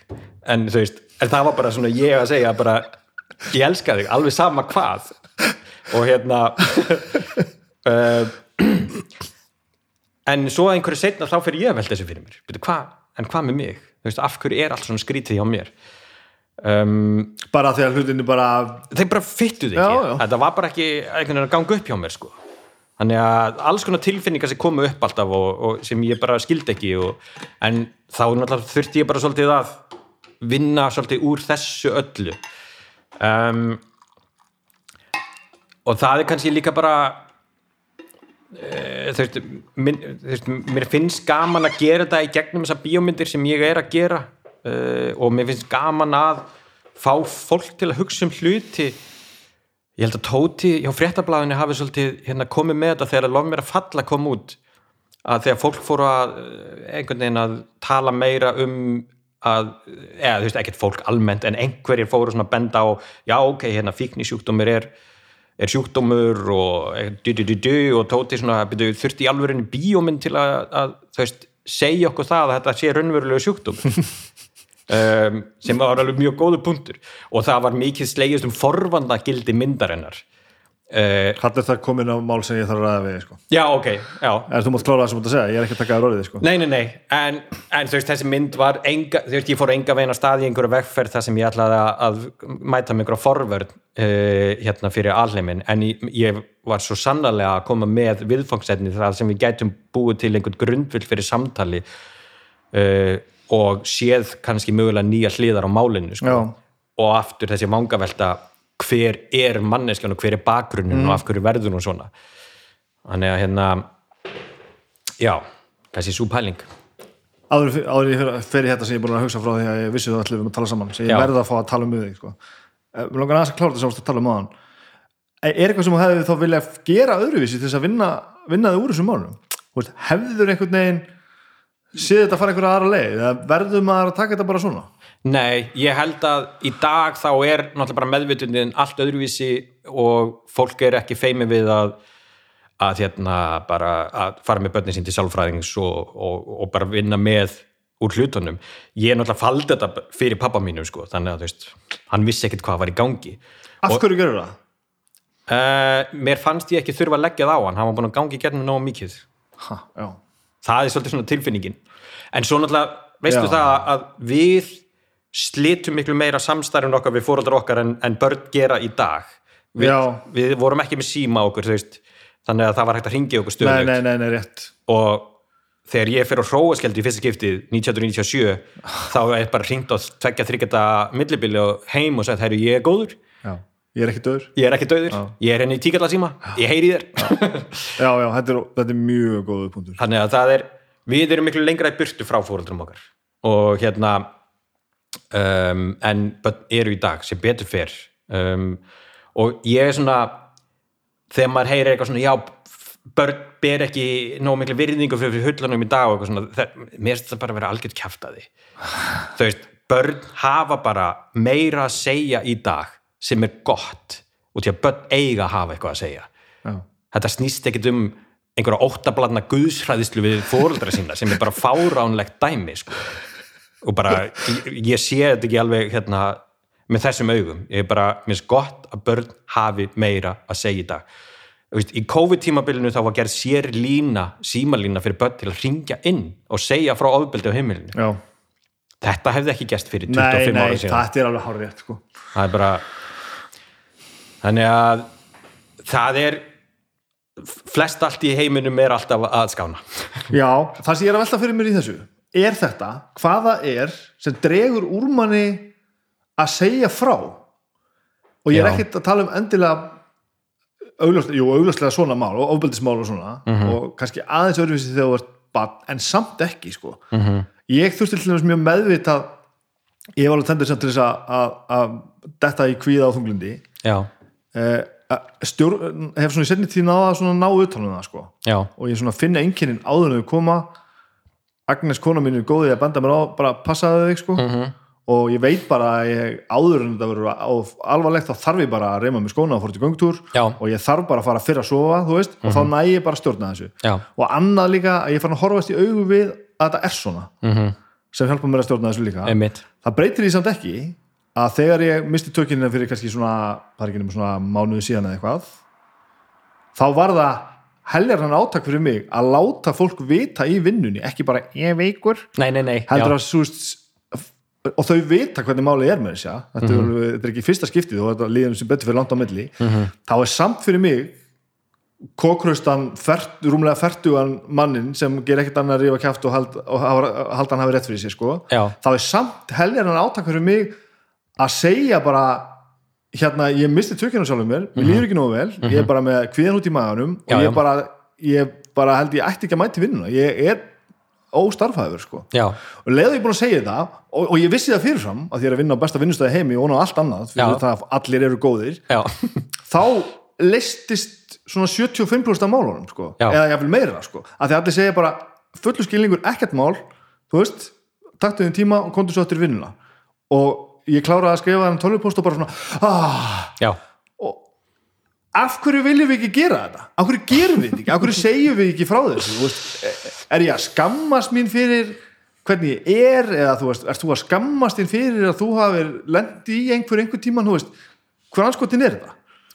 Þetta er nú kannski líka bara partur af umræðinum eitraða kallmennsku sko uh, en ég veit ekki, þetta Já, á, já. á, á nú líka við um bæði kyn og allt það en hérna en við erum náttúrulega ólist upp við kallmennsku já, Já, þú veist, það er það eru uh, ég er nú á smá vegferð núna með eitt verkefni þar sem ég er að taka sjómennsku ok.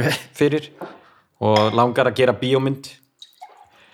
Um, og ég held að allt, öll þau viðtölu og allt það sem við höfum gert ég er að gera það- með honum hérna um, var að vinna með honum Matta í Hatara í þessu verkefni. Ok, og hérna við tókum fullt af viðtölum það er svolítið síðan við gerðum þetta.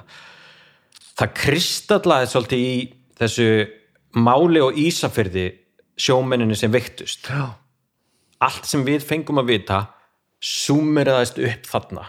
Bara já, þetta er svona svolítið, en við erum samt að taka við viðtölum við menn sem voru sjó í kringum 1990 já, já. Og því að þá er einangrunin meiri og, og svona karlmennskan um borð í skipi hún sko, hún á ríkterskala er það bara stóri afskjaldi sko. Já, já, þetta er ótrúlega áhugaverður vettfangur til að skoða þetta sjónarhorn.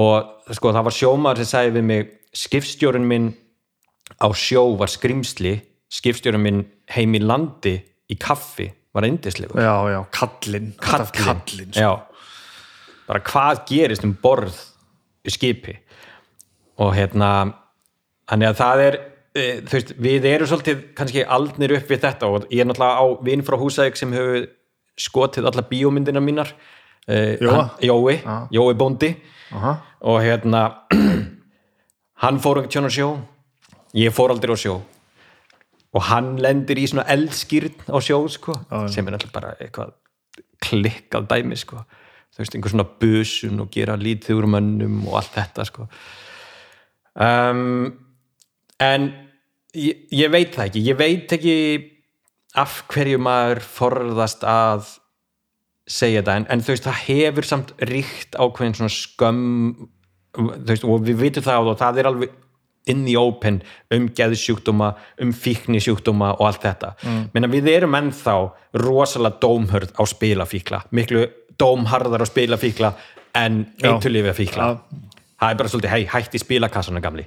já, já, En veist, þetta eru það var nefnilega mjög gaman að horfa á þáttin á síðasta föstudag uh, þar sem var tekið fyllt af viðtölum við fólk og Kári Stefáns kom í raun og veru með líffræðilegustu útskýringu á fíknisjúkdóminn sem ég séð en það er um leið og þú fyrir að setja þetta á líffærin það er náttúrulega bara heilin eins og allir aðri geðsjónum, hann fór að útskýra hvað gerist í framheilunum hjá fíklum.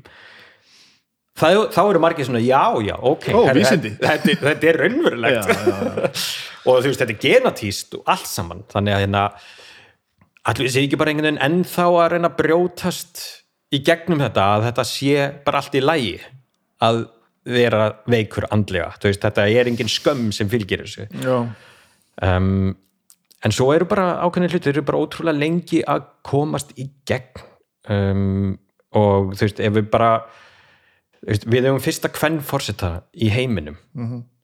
Það er engin haugur að kvennforsetum búin að vera síðan. Nei, það er nú bara þannig. Já, já.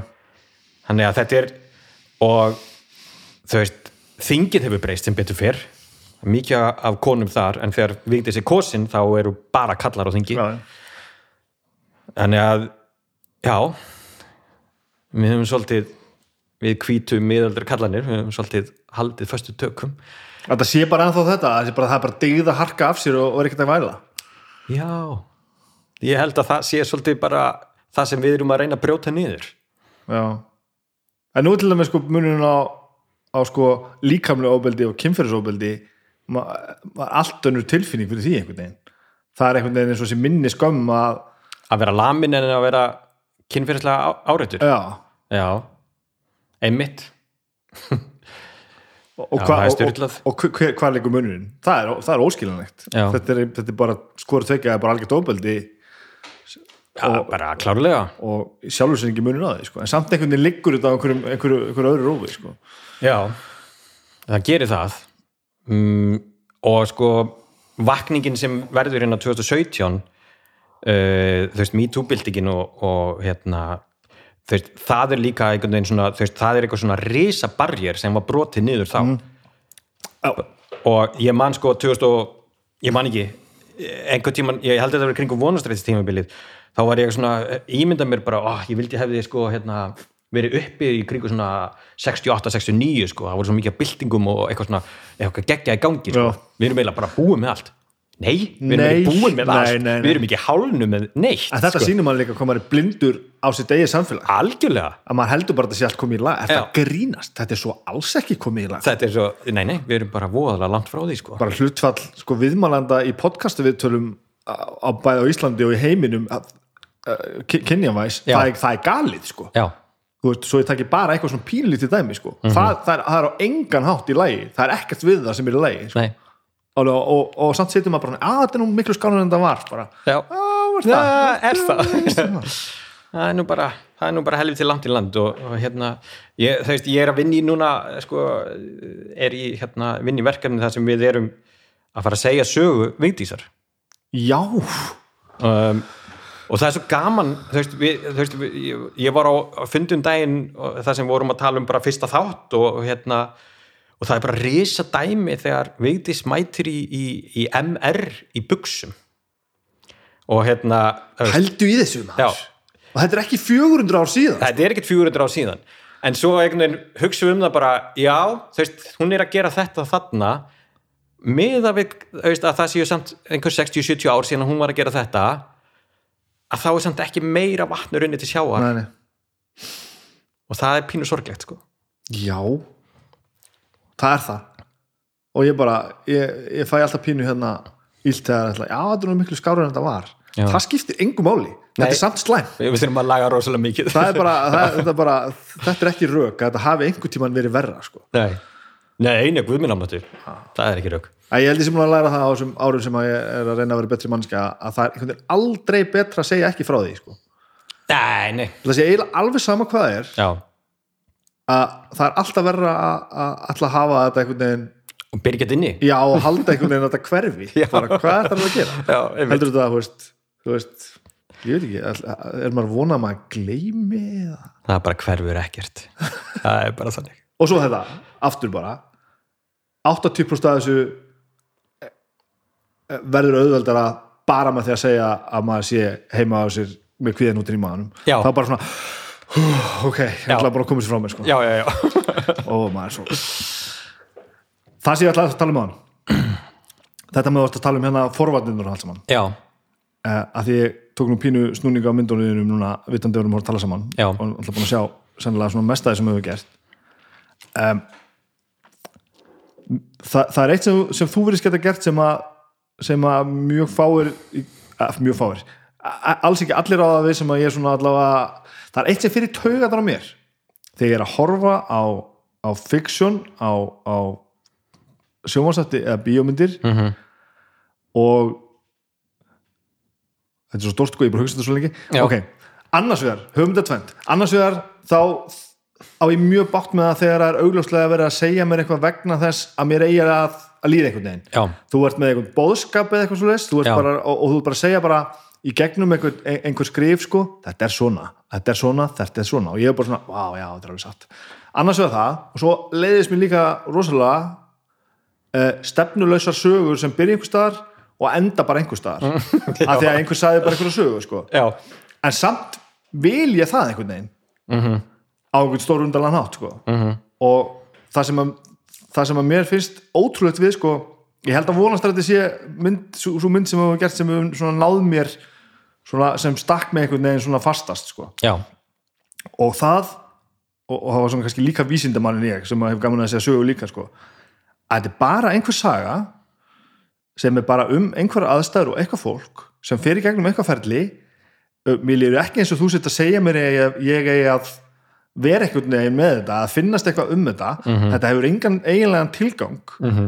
Og þetta er samt stórkoslegt og, og, og, og gaman fylgjast með þessu og breytir einhvern veginn því ég er ekki alveg sami maður áður en ég byrja að horfa eftir ég hætti að horfa. Æðislegt. Og ég veit, þú veist, það var ekki ástæði fyrir því sko. þess vegna er ég að segja sko, eins og með hérna, loð mér að falla. Ég sá ekkert forvarnar þú veist, ég sá ekki eins og einhver hafa lagt að stað með einhvern forvarna draum í þessu. Nei, og hún er, þú veist, hún er, hún er au, au, í mínum augum, er hún einhvern veginn auglöslega búin til til þess að vera bara sönn og þung og löng og, og, og segja bara söguna svolítið bara eins og hún er. Já, og, og svo líður manni bara illa sko. já. Það er bara ömulegt að horfa á þessa mynd. Já, ég það er glatað. En, en það er náttúrulega sem gerir það að því hún er ekkert að afsaka sig sko. nei, hún er ekki einhvern veginn að einhvern veginn að upphefja neitt, ekki að tróða neitt niður. Mhm. uh, hún er ekki að stjórna hvernig þú hugsar. Og þessi frásagnarlist svo ég reynir nú að koma þessu niður á lappið hérna sem ég er að reyna að segja hérna, búin að ofugsa þetta allt saman í spað. Er ótrúlega trikki að geta byrjað á einum stað og hætt bara á öðrum og það gerist eitthvað þarna á milli sem að breytir í hvernig þú hugsar án þess að sá sem segja söguna hafi verið að, að þvinga því í einhver átt. Já, og ætla ég að anda og lega þeirra að tala bara. Já. Já, fattar það hvað ég er að fara? já, algjörlega. Ég, og sko uh, ég sagði kannski, þú veist í grunninn þegar maður leggur að stað í að segja einhverja sögu þá er ég aldrei með einhvern æðri tilgang en að bara finna sögu sem ég hef skaman að reyna að segja Þa, það, er, er æðsti tilgangurinn með þessu um, út af því að ég veist, ég ætla mér ekki að breyta heiminum ég ætla mér ekki veist, ég á mjög erfitt með þegar ég er í Q&A eftir bíómyndir og, og einhver segir bara hérna, ok, en hvað þýðir þessi mynd? bara ég, ég veit það ekki sko. Já, þú, þarna sagði þú það í einni spurningu og einu, einu svarið það sem ég var að reyna að segja á hann sko. Já.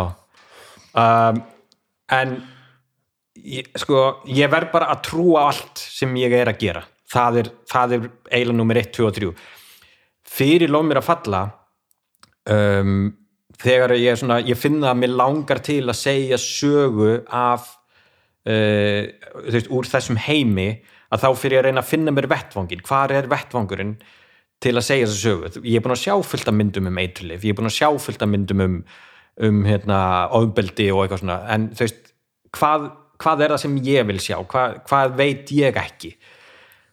Uh, þá les ég þetta viðtal sem er við hana hérna Kristín í gerðu, sem er gamalt viðtal. Og ég bara, wow, ok. Og ég hef líka verið að taka eftir og við tókum eftir hérna á tímabili, það voru tíndustelpunar sem voru alltaf verið að auðlýsa eftir hérna í blöðunum. Þetta gerist þannig alveg bara með 20 ára millibili, þetta tvent Kristín gerður og, og, og þessar stelpur. Þannig að ég fyrir eitthvað svona bara aðeins að kafa ofan í þetta og, og fyrir að skoða hvað það er og þá bara kemst ég að því að veruleiki kvenna í þessum heimi er bara einhver allt annar en veruleiki kalla og svo saga hefur verið sögð mjög mikið. Það var gerðin náttúrulega einn stórkosli bíómynd hérna upp úr 1980 uh, dýragarspötnin Já, uh, eða Kristína F eins og hann heitir á, á, á frummálinu uh, að hérna og ég er svona, ég horfði á hana og bara ok, veist, það er bara komin tími á nýja svona sögu mm. um, og Kristín var algjörlega grunnurinn að því en svo eftir ég hitti sko Jóhannes K.R. sem hafði mist dóttur sína og sagði mér sögu hennar að, og hann fór að koma mér í samband við stelpur sem voru bæði í neyslu og ekki í neyslu. Og hérna þá bara sá ég og Byggi bara báðir strax að, að þetta var klárlega vettfangur fyrir frásögn.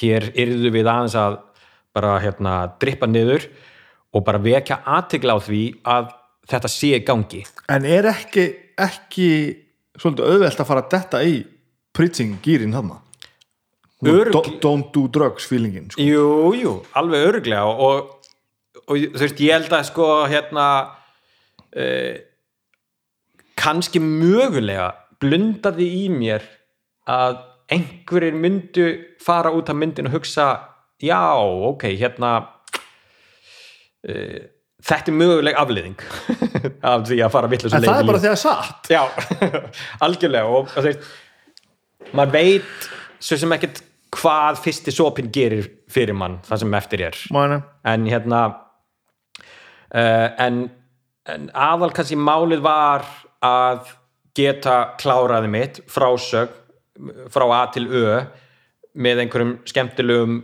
boga og og verða kannski bara sjálfur pínu meðvitað og betri manneskja fyrir vikið sko, að klára þetta einhvern veginn þar. Um, það var rosalega erfitt að láta handritið í hendunar á foreldrum ungu stelpnana og segja, herri, ég, hérna, ég er búin að kasta dætur ykkar í þessa mynd. Vil ég lesa þetta?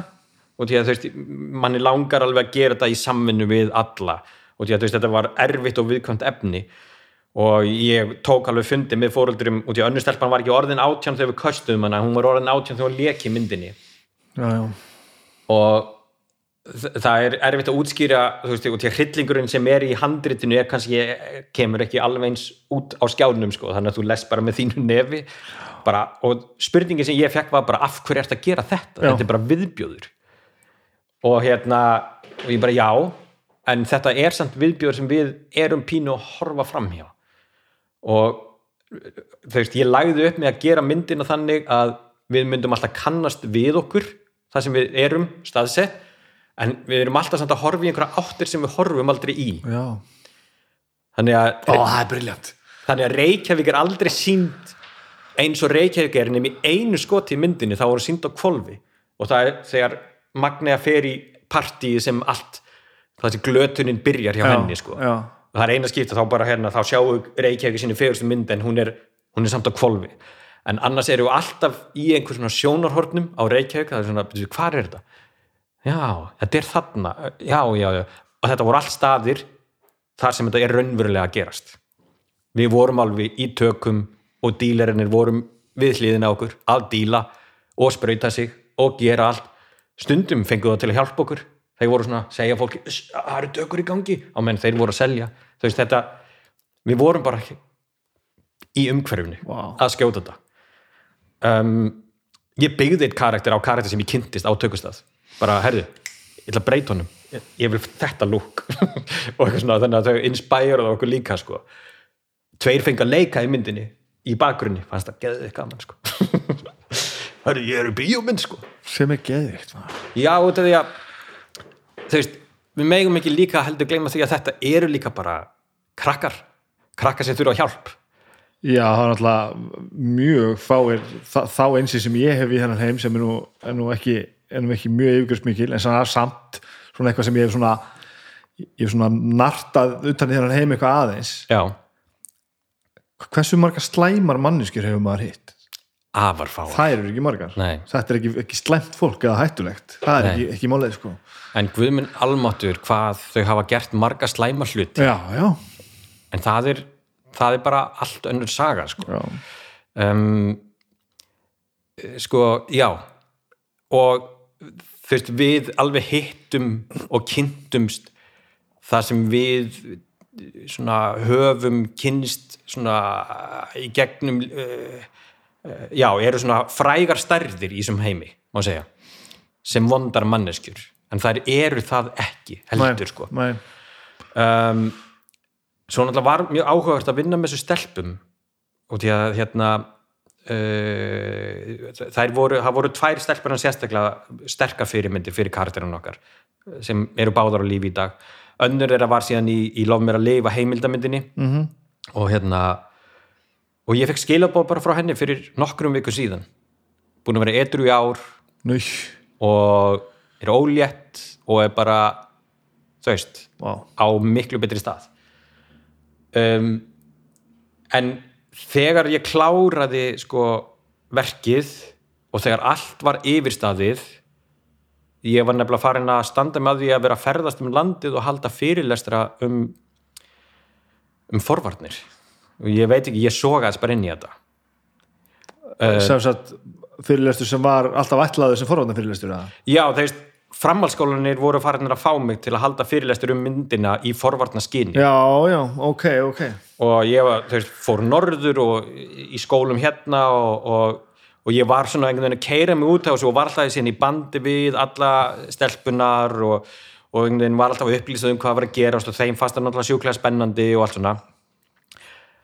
En svo bara búm, kerði ég á einhvern grjótharðan vegg. Bara, herri, ég get ekki lengur, ég er ekki þetta, þetta var ekki pælingin, sko. Þannig ég bara stoppaði allt, hætti öllu köttaði allt og hérna og er svona bara nýfarin að stað aftur einhvern veginn, ég gerði verkefni síðasta sumar en það er fyrsta verkefni síðan ég skaut, lof mér að falla ég bara svona, Kerir á veg bara með allt saman bara. Já. já, já, já, Já, já. bara ofkessla og, Já, já, já. algjör sko um, en það er bara það, það tekur bara svo ógeðslega mikið á að, að sogast einhvern veginn inn í þennan heim og veri í svona miklu samskiptum líka við þess að krakka út af því að það er krefjandi að fá líka símtöl það sem þau eru að falla og maður er að tala við þau og maður er að reyna að hjálpa þeim og allt þetta, Þú ert að tala um að það hefði bara brotlent treinlega bara í kjölfærið að hafa búið til þessa mynd bara. basically Já, vá.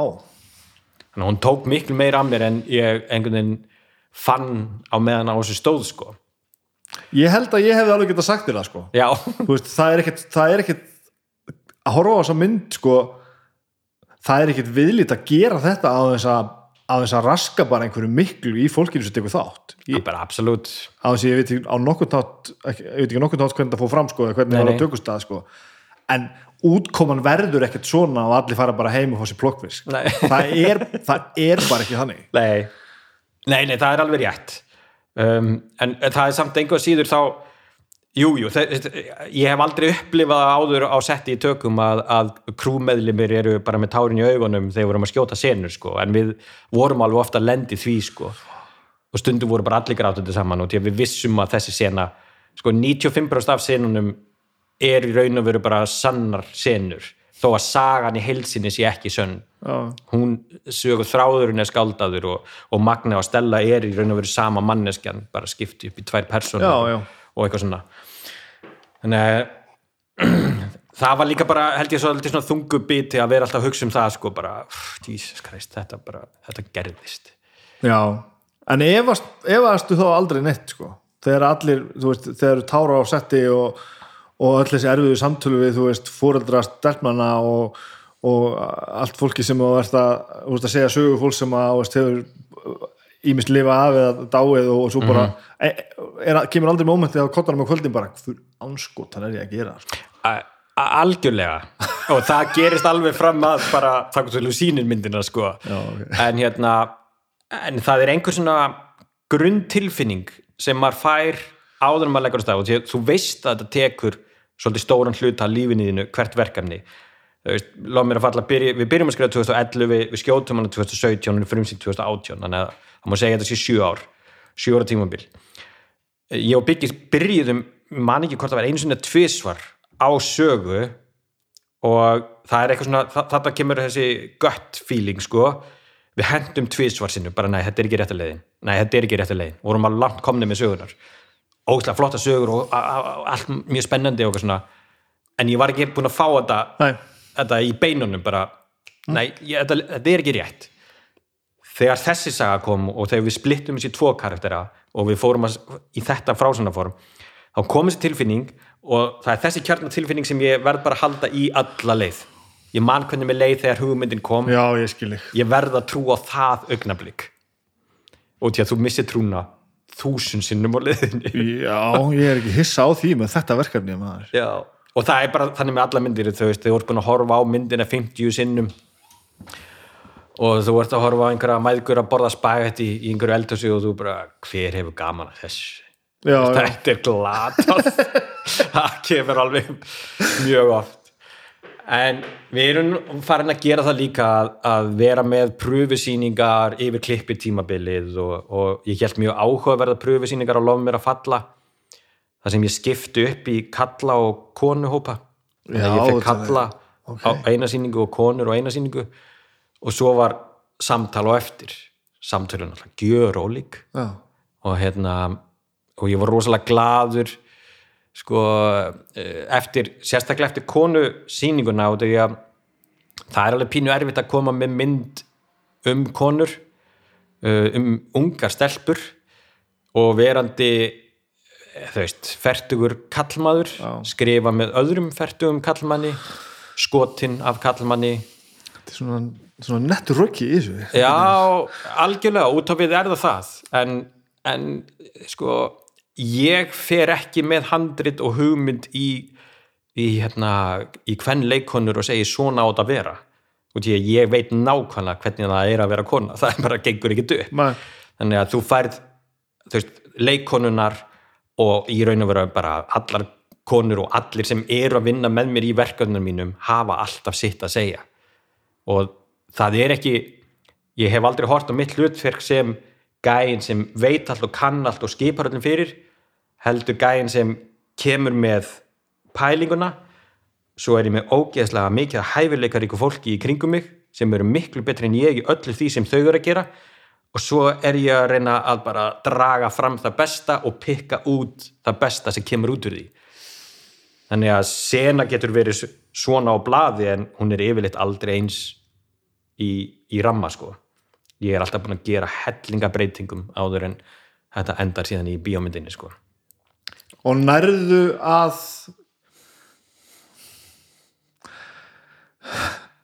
maður er svo góður að halda sko að maður geti lúfað sko að aðrir hafi að ég er þetta eldi mig stundum sko. Já, bara já, þú veist, þú ert miklu betri en ég, gerð þú þetta bara? Já, já, svo gerist og maður svona "Á, er ekki að-" Nær, nærðu að treysta því að þú veist hitt sjónum með þessi Já, og þú veist 100% og, og það er kannski líka þess vegna sem maður reynir svolítið að þegar maður finnur mannesku sem maður getur treyst þá heldur maður áfram að vinna henni og, hérna, og byggir upp samband og, og þá fyrir það líka að vera sko, alltaf auðveldara og auðveldara þannig að ég er alltaf að reyna að auðvelda mér vinnuna. Ég, ég ger þetta svolítið í lífinu. Já, ég er bara, ég bara að finna klippara sem er, sem, er, sem er frábær og gaman að fara til. Já, stjúri á Kormungu skildi. Ég er búin að finna tannlækni. Og hún er snillingur sko. Já. og bara búin að raða svona, svona, svona leikil fólki niður sko. Þá einfaldast lífið. Þú ert bæstilega að gera saman og gera bíómyndir. Basically. En þá gerum komum við einu sko. Það má ekki heldur staðna sko. Það er nefnilega málið. Og uh, ég fann það eftir láfum mér að falla að ég og kannski byggi, við, við skrifum svolítið okkar, gerðum svolítið okkar. Ég held ég væri að fara einhvern veginn miklu meira út fyrir komfortzónið í þessari mynd en ég fann það meðan ég var að skjóta myndina. Já, í grunninn er ég svolítið að gera aftur vonastræti í bara smá svona breytum heimi veist, og ég er ekki að segja að við sem höfum staðnað en ég þarf að já, ég þarf, ég vissi það að fyrir næstu mynd á ætla ég að finna einhverja aðra rödd með mér til að íta mér eitthvað.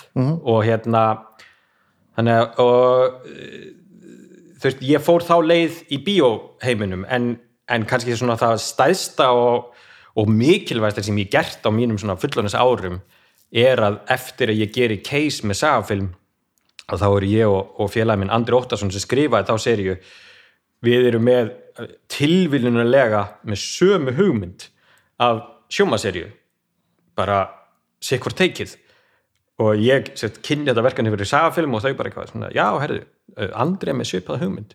Akkur talið þið ekki saman? Við tölum saman, bara eitthvað ef þú gera þetta.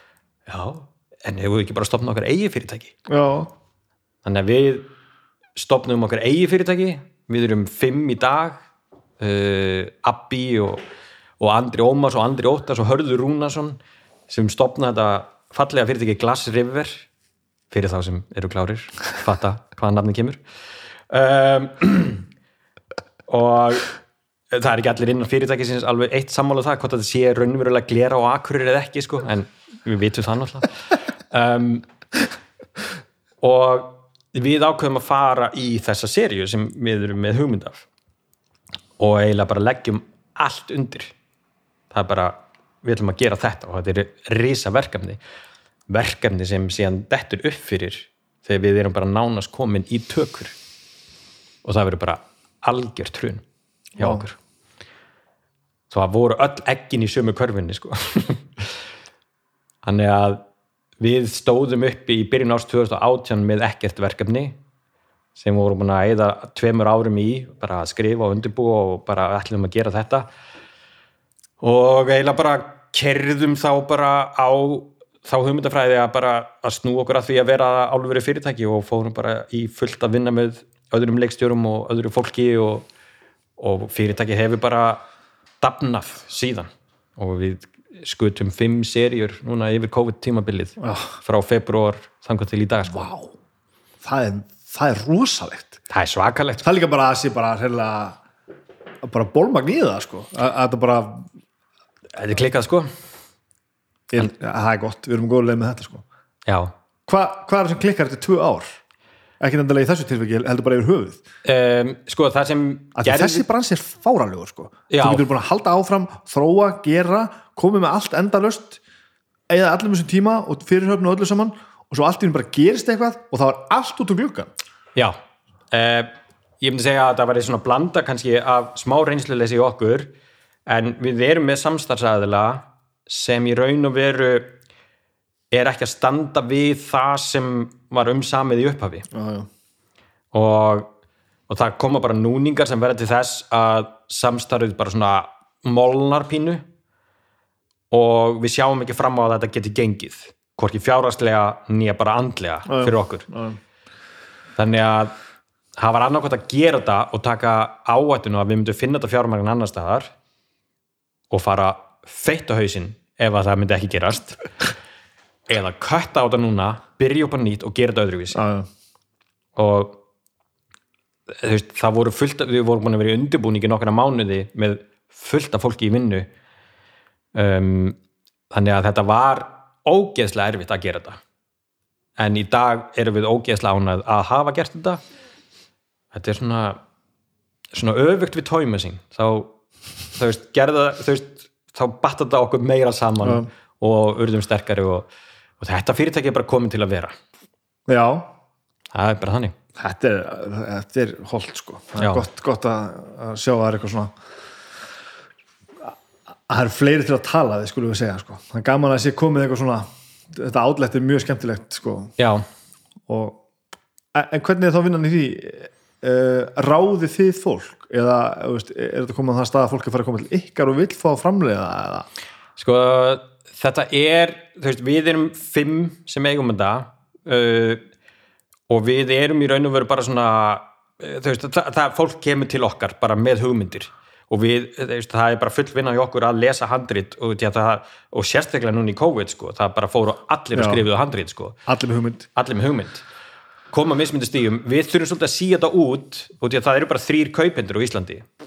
Það er Sjómar Símans, Stöð 2 og Rúf já, og það eru nokkur fyrirtæki að selja þeim efni þannig að það er ekkert endalaust hægt að framleiða efni. Um, og svo eru náttúrulega ser, seríunar með sem þetta stærðum, annarkvært er þetta sjómaserju sem gengur upp að bara fjármagna hérna og kannski norranna sjóðunum eða eitthvað svona en svo eru við líka með seríu sem þarf að fjármagna og meðframlega með erlendum aðilum og, og meira budget og allt þetta þannig að við, þetta er bara eins og öll svona verkefni, við þurfum bara virkilega að trúa því að tímanum sé vel varið í þessa vegferð.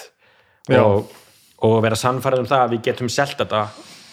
Og hérna þannig að eh, ég veit ekki, allir þessi ekki svona 5% af því sem kemur til okkar eru verkefni sem enda síðan á fara í þetta fyrsta stig að pröfa, sjá hvert það fer með okkur þannig að það er ekkert góða líkur að, fá, að maður komist í gegnum að maður sendir eitthvað inn.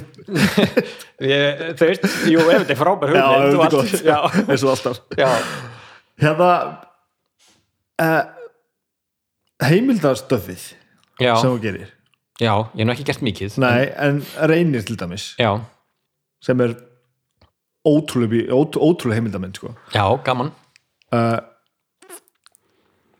í, sko, Vestlunumhelgin veit ekki hvað, Halló Akureyri við erum fyrir, við erum fyrir aldamót sko. Mhm. já, já, já, já við erum bara 90 og 96 er, er stóra Halló Akureyri sem allt voru böndunum já, alltaf sé ekki bara kringum það sko. Mhm. ég tjaldaði einhver staðar einhver staðar hérna æ, það er svona hálgeri ég er ekki svona góður í, í að segja hvar á Akureyri er æ, þarna það sem það sem glera hann kemur niður beisli, það eru þarna þau vart að þarna niður að hagköpa þar. Já, þar á milli. já, og það eru bara svona næstu einhver, einhver eins og- bóndabæðirar já, já, já. Já, ég, og ég, ég kert þarna fram, fram hjá miljónsunum síðan og ég man ekki við hvaða hús það var en við fengum að tjalda þar Já. í gegnum einhvern sem þekkt einhvern sko. og þar vor, var svona strákahópur sem að voru örgulega sko frændur hans eða eitthvað já og ok. síndu mér sem sagt okkur, fórum bara inn til þér og upp, upp í ris og síndu okkur gömlu myndinum hann sko. Já, ok. Bara á bara góður yfirni var foss spólu sko, var þetta Já. mynd? Eða þáttur eða eitthvað? Jú, jú, hann gerði mynd um sjálfa sig hann sem- gerði mynd um sjálfan sig Já. ok, og þeir bara, þú veist hvenær dó hann? 8-10 hann og þeir höfðu greinlega svona annarkoð þekktan eða, eða, eða, eða þe- þú veist, verið nálatunum eða eitthvað sko. Og ég fekk þetta svona beint í aðeins sko. Og þeir náttúrulega sögðu mig bara frá þessu þetta verið legasaga sko. Já, já, og, og, og þetta var svona ægilegi svona jeppa mótorhulega snjóslega kallar sko. Mhm. og ég bara og, og þetta var svo, svo surrealist allt saman sko. Glæsilegi menn sko. En, þú veist, Vestlunarmæðingi, allir alveg sósaðar einhvern veginn. Mhm. og, og svona svo liður bara árin og þetta fór bara að verða svona einhver móða sko. Já, svo hitti ég mitt bónda sem skautmyndina ekki? Jú, hitt hann bara, hitt hann í flugvél eða eitthvað. Og hann fór að segja mér að eh, hvort þið voru nýbúin að taka myndina eða eitthvað. Og ég bara, ok, ég er þetta ekki alveg ég er ekki galinn, þetta, þetta, þetta gerðist í alveg að ég var bara, þetta, þú veist þessar sögur þessar gaur og þessar aðstæðu með, með þessum strákum að horfa á þessa mynd og eitthvað. Og svo horfði ég á myndina náttúrulega. Og þá, þá var þetta mitt, og ég var svo fegin, þetta var svona sirka það sem er mér myndi sko. en þá fór ég, að, að því ég hafði sko heyrt þessa sögur frá þeim sem svona idolaði hann svolítið og glorifæði hann svolítið já, og horfði svo að heimildamind sem að þú hefði gert um mannin þá var því mjög stert fyrir þessum hughrifum hvað heimildagerðar fólkið getur haft mikil áhrif á það sem er í myndinni. Já. Hvernig nálgastu þetta? ég er náttúrulega fer til að gera þú veist, ég fer inn að leiðangun til að gera bíómyndum mann sem ég idolasaði sem krakki sko, veist, Já, ok, ok, ok. Ég er bara svona eh, þú veist, út í að þess að ofurheitju sögur af honum voru ótrúlegar og hérna, ég reyndar alveg sagt þess að sögum miljónsinnum áður en, en eh, þú veist, ég sérst kynnist einari síni hans þegar við erum báðið 5-6 ára gamlir, mamma mín er, er að passa hann sko. Og við lendum í rifrildum hvor pappin er sterkari og hérna og hann fyrir að segja mér frá veist, pappa sínum sem gatt lift bílum og eitthvað svona og, og ég náttúrulega bara brjálaður og þess að þetta væri lígi og, hérna og klagaði mömmu og hún, náttúrulega fyrir bara að segja mér að þetta sé alveg satt sem hann er að segja. Og bara frá þe þeim tíma fekk, varð ég bara obsessed. Og ég er sett gæinn sem var í partíum hvað eftir annað í gegnum úlingsarfin að segja frá reyni sterka. Já, já, um, ég veit ekki hvað kona mín hefur oft hlustað á mig segja, mig, segja frá reyni sterka í veislum ég er hættur því eftir að myndi kom út. Þa, þar gerður ég, þú myndina til þess að þurfa ekki að gera þetta segja Já. þetta frá.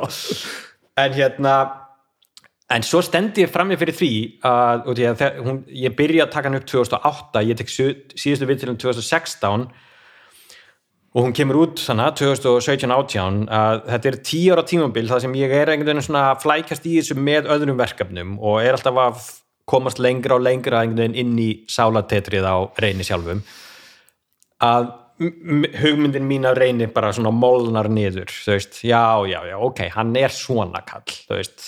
Hann er breyskur, að sjálfsögðu að sjálfsögðu er hann eins og við öll. Og að sjálfsögðu er hann með bakgrunn og allt þetta. Og uh, sérst, setni konans er svo indisleg að hérna, hún tekur þátt í þessu með því að leifa mér að hafa aðgang að myndefninu. En ég líka sko fann allar hrátökunar þær, sagt, þær voru búin að vera týndar í 20 ára og enginn vissi hvað þau voru. Ég sett inn í samband við kallinn sem gerði myndin á sín tíma. Hann er nú látin í dag. Uh, og hann er í myndinni. Ég tók viðtala við hann líka hann er þetta fyrsta sem hann sagði við mig bara ekki gera þessa mynd. Bara af hverju? Það bara kvílir álug á svo fólki. Bara ok, það er ekki gott. Já, já, jú, ég ætla nú að gera þetta. En hann vildi meina það að sonar að svo fyrra hjónabandi væri með allt myndefnið. Ég set mig í samband við hann og hann segist ekki verið með það. Bara nei, ég er ekki með það myndefni. Og ég tek aftur samtal við hann og þá bara algjörlega bara þvertekur hann fyrir þetta. Og í raun og veru hann bara pínur svona hót hann mér. Bara, herðu, þú ert ekki að ringi í mig aftur. Bara láta þetta vera, gleym þessu. Og þá er ég alveg svona við það að gefast upp. Ég ringi líka í, í fyrri konunans hún vill ekki tala við mig og ég vissi ekkert af hverju, ég veit það í dag eða horfður á myndina, þá skiluru þú veist, sko, reyðina þannig að bakvið ég ringi þriðaskipti í hann bara ekki skella á mig. Bara eitt kaffibólli, that's it. Svo skal ég bara labba út á heimilinu og ég skal aldrei koma aftur. Einn lítill kaffibólli, ég verð að tala við þig. Þannig að hann hleypir mér ég fer út í hérna uh, fer þanga sem hann býr út á Reykjanesi og hérna við eigum þannig eina kvöldstund saman og ég labbaði út með kassan af öllu myndefninu. Hann hafði það í kjallaranum hjá sér. Og þurfti að eigða þannig nokkur mánuðum í það að taka upp sumarfilminar málnu bara niður. En mikið af efninu, það voru alveg einhverja 200 mínútur af efni sem ég náði að bjarga og, og koma í, í varðveislu þannig upp á kvimnasafni og þar með var ég bara komið með rosalega flott myndefni. Já. myndefni sem hefði aldrei sést áður og ég var náttúrulega alltaf að reyna að leita af svindlinu. Já, og eðlilega þetta er Bara- alltaf, þú veist, þetta meikar bara ekkert sens. Nei, nei, nei. Og, og það er svo gaman það var svo gaman að tala við hann hérna. Vá, akkur eru öll nöfn? Ég er alltaf að sulla á borðið þitt. Það var svo gaman að tala við Þú hann. sem- sullar ekki mest að þetta borði á, á þryggja og fimm ára börn sko. já, já, já, ok. Já, já. Þann sem gerði myndina hann hafði ekkert mikið álit á reyni eftir þessari lífsreynslu að hafa gert myndina með honum á sínum tíma. En ég var alltaf bara með þess en ok, en hvernig sleið það gerðinu, hvað gerðu þið? Bara, ég gerði mikið neitt. Bara, ei, come on, segðu mér þetta bara bara nei, bara stundum gata hann þetta og stundum ekki. Og that's it. Og það er það sem reynir sagði sjálfur sko. Já, stundum get ég gert hlutinu og stundum ekki.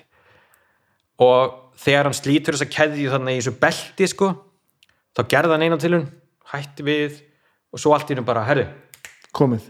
ég get þetta. Fór á saman þetta og gerði þetta. Þetta er skeri stöf sko. Þetta er allt mjög skrítið. Um, en svo stóð ég fram í fyrir því hvaða sögu ætlaði ég að segja. Ætlaði ég að glorify hann eða ætlaði ég að segja bara the whole package? Uh, út af því að þær þú veist það töluð allir mjög opinskátt um hann. Og mér fannst ég ekki geta ignorað hvað allir voru að segja. Þannig að ég ákvaða að hafa þetta með í myndinni. Og síðasta viðtali sem ég tek er við dóttir hans, Lindu sem vildi aldrei koma í viðtal hún neitaði eiginlega alltaf, hún bara nei, ég vil það ekki, ég vil það ekki. Og ég svona grát baðan að hann undir lokiðin að koma í þetta viðtal. Ég væri með spurningar út frá öðru viðtölum. Og hún leisti það mjög vel hún Linda og eiginlega svona setti svolítið bara punktin yfir yfir og myndin fór allt í henn að ganga upp eftir hennar viðtal. En atriðið í myndinni það sem kertið dettur niður á hillunni mm Mhm. það gerðist algjörlega raunverulega uh, við vorum sko á heimilunars Friðrikas Ómars fyrir norðan að taka þetta viðtal. Fekk að bara lánað til að fara hann inn og skjóta þetta viðtal. Og ég er að koma mér að efninu, að stóru spurningunni þegar kertið flýgur niður. Og ég er alltaf svona íta mér í áttin að því. Og það var svona eins og og þetta bara gerist, bara kertið fer af og við erum búin að skoða eld, myndefni sem var á undan við stiltum ekki upp þessi kertið, við kveiktum bara á þessi kertið, það var hana sko, það var lengst upp í hillu. Þetta er í klárlega í eina skipti sem ég hef upplifað eitthvað svona yfirnáttúrulegt og við erum alveg sammáluð það að þetta bara gerðist. Það er engin að debata það. Ég, Jói eða Átni Ben sem við vorum hana þegar við kláruðum viðtalið við Lindu fóru til sýstu minnar fengum okkur kaffi og við vorum allir eins og við höfum gert eitthvað prakkarastygg og þegar við sátum bara hana og drukkum kaffi. Og hún bara hvað gerðist? Og við vorum bara eitthvað svona ætlum við að ræða þetta? Bara, ég veit ekki, bara, það, þetta var bara það skrýtna sem við lendi og hún er ekkert ólík pappa sínum. Það er bara, þú tekur í höndin á henni og þú færð bara einhverja ströyma sko. og þú bara, herri, wow, hvað, ertu að lesa mig eða? Vá. það er bara magnað að vera í kringum hana og hún gefur rosalega mikið af sér. Og hérna og þetta var eiginlega bara, já, þetta var bara svona skrýtnasta viðtal sem ég nokkuð tíma gert sko. Og já, það var eitt í viðbót. Ég held að það kom ekki svona fram í myndinni. Að fyrsta hálftíman þá tæmdust batteríin bæði á á hérna ljósunum og hérna gýrnum hans átna ben hljóðmanns og Jói stoppar bara viðtalið á einu tíma og herru, það eru öll ljós döið bara ha? Og við tókum ekki eftir því sko. Það þau bara svona bóknuðu hægt og rólega út. Þau voru öll full hlaðin og eiga að duga miklu lengur. Við vorum líka allir bara búnir á því eftir hennar hálftíma sko. Ég veit ekkert, þú veist, ég trú ekki svona. Ásum Ég ætla að segja, hvað, er- hvað stendur í þessu svona málum? Ertu trúðar? Nei, ég, nei, ég er ekki trúaður. Eða þú veist, ég, nei, ég, e, jú, örglega, ég veit það ekki það er eitthvað í kringum okkur, það er engin spurning. E, kvöldið sem ég fór til e, svona hans reynis að ná í myndefnið og ég steg hann inn og hann bara já, já, ok. Þú ert með góða fylgd með þér. Bara, ha, Já, já, ok. mamma henni greinlega hérna. Dammit, hvaða lið er þetta? Þá eru þau öll svona sko. Ég fæ alltaf bara djúðsbúlsýttir þetta maður. Það Já. er auð- auðvitað að segja þetta og að feika það sko ja, bara klálega en hann átti ekki að hafa neina vitneski um mína nei, fjölskyldu. Nei, nei, uh, þetta voru veist, þó að mamma hafi passað hinsónin, það voru engin tengsl hann á milli. Ég get sagt þér eina viðbútt af þessu, mjög snögt árið 2000 þá hafði ég samband við setni konunars til að segja henni ég ætla að gera mynd um reyni. Löngu, áður bara svo vitir það. Ég bara, ég hérna það mun taka mig tíma að koma mér þangað bara ekki fara með myndefni neitt. Og hún myndi eftir mér og svo hún er erlu og eitthvað svona. Og hérna hún bara já, en það er búið að vera svolítið herri á mig. Það eru fleiri sem hafa áhuga. Þannig að hún fyrir á miðilfund hjá Bibi hvað Bibi Ólafs er, miðil hún er svona smá seleb miðil sko, Ok. en hún er sýstir einis. Já.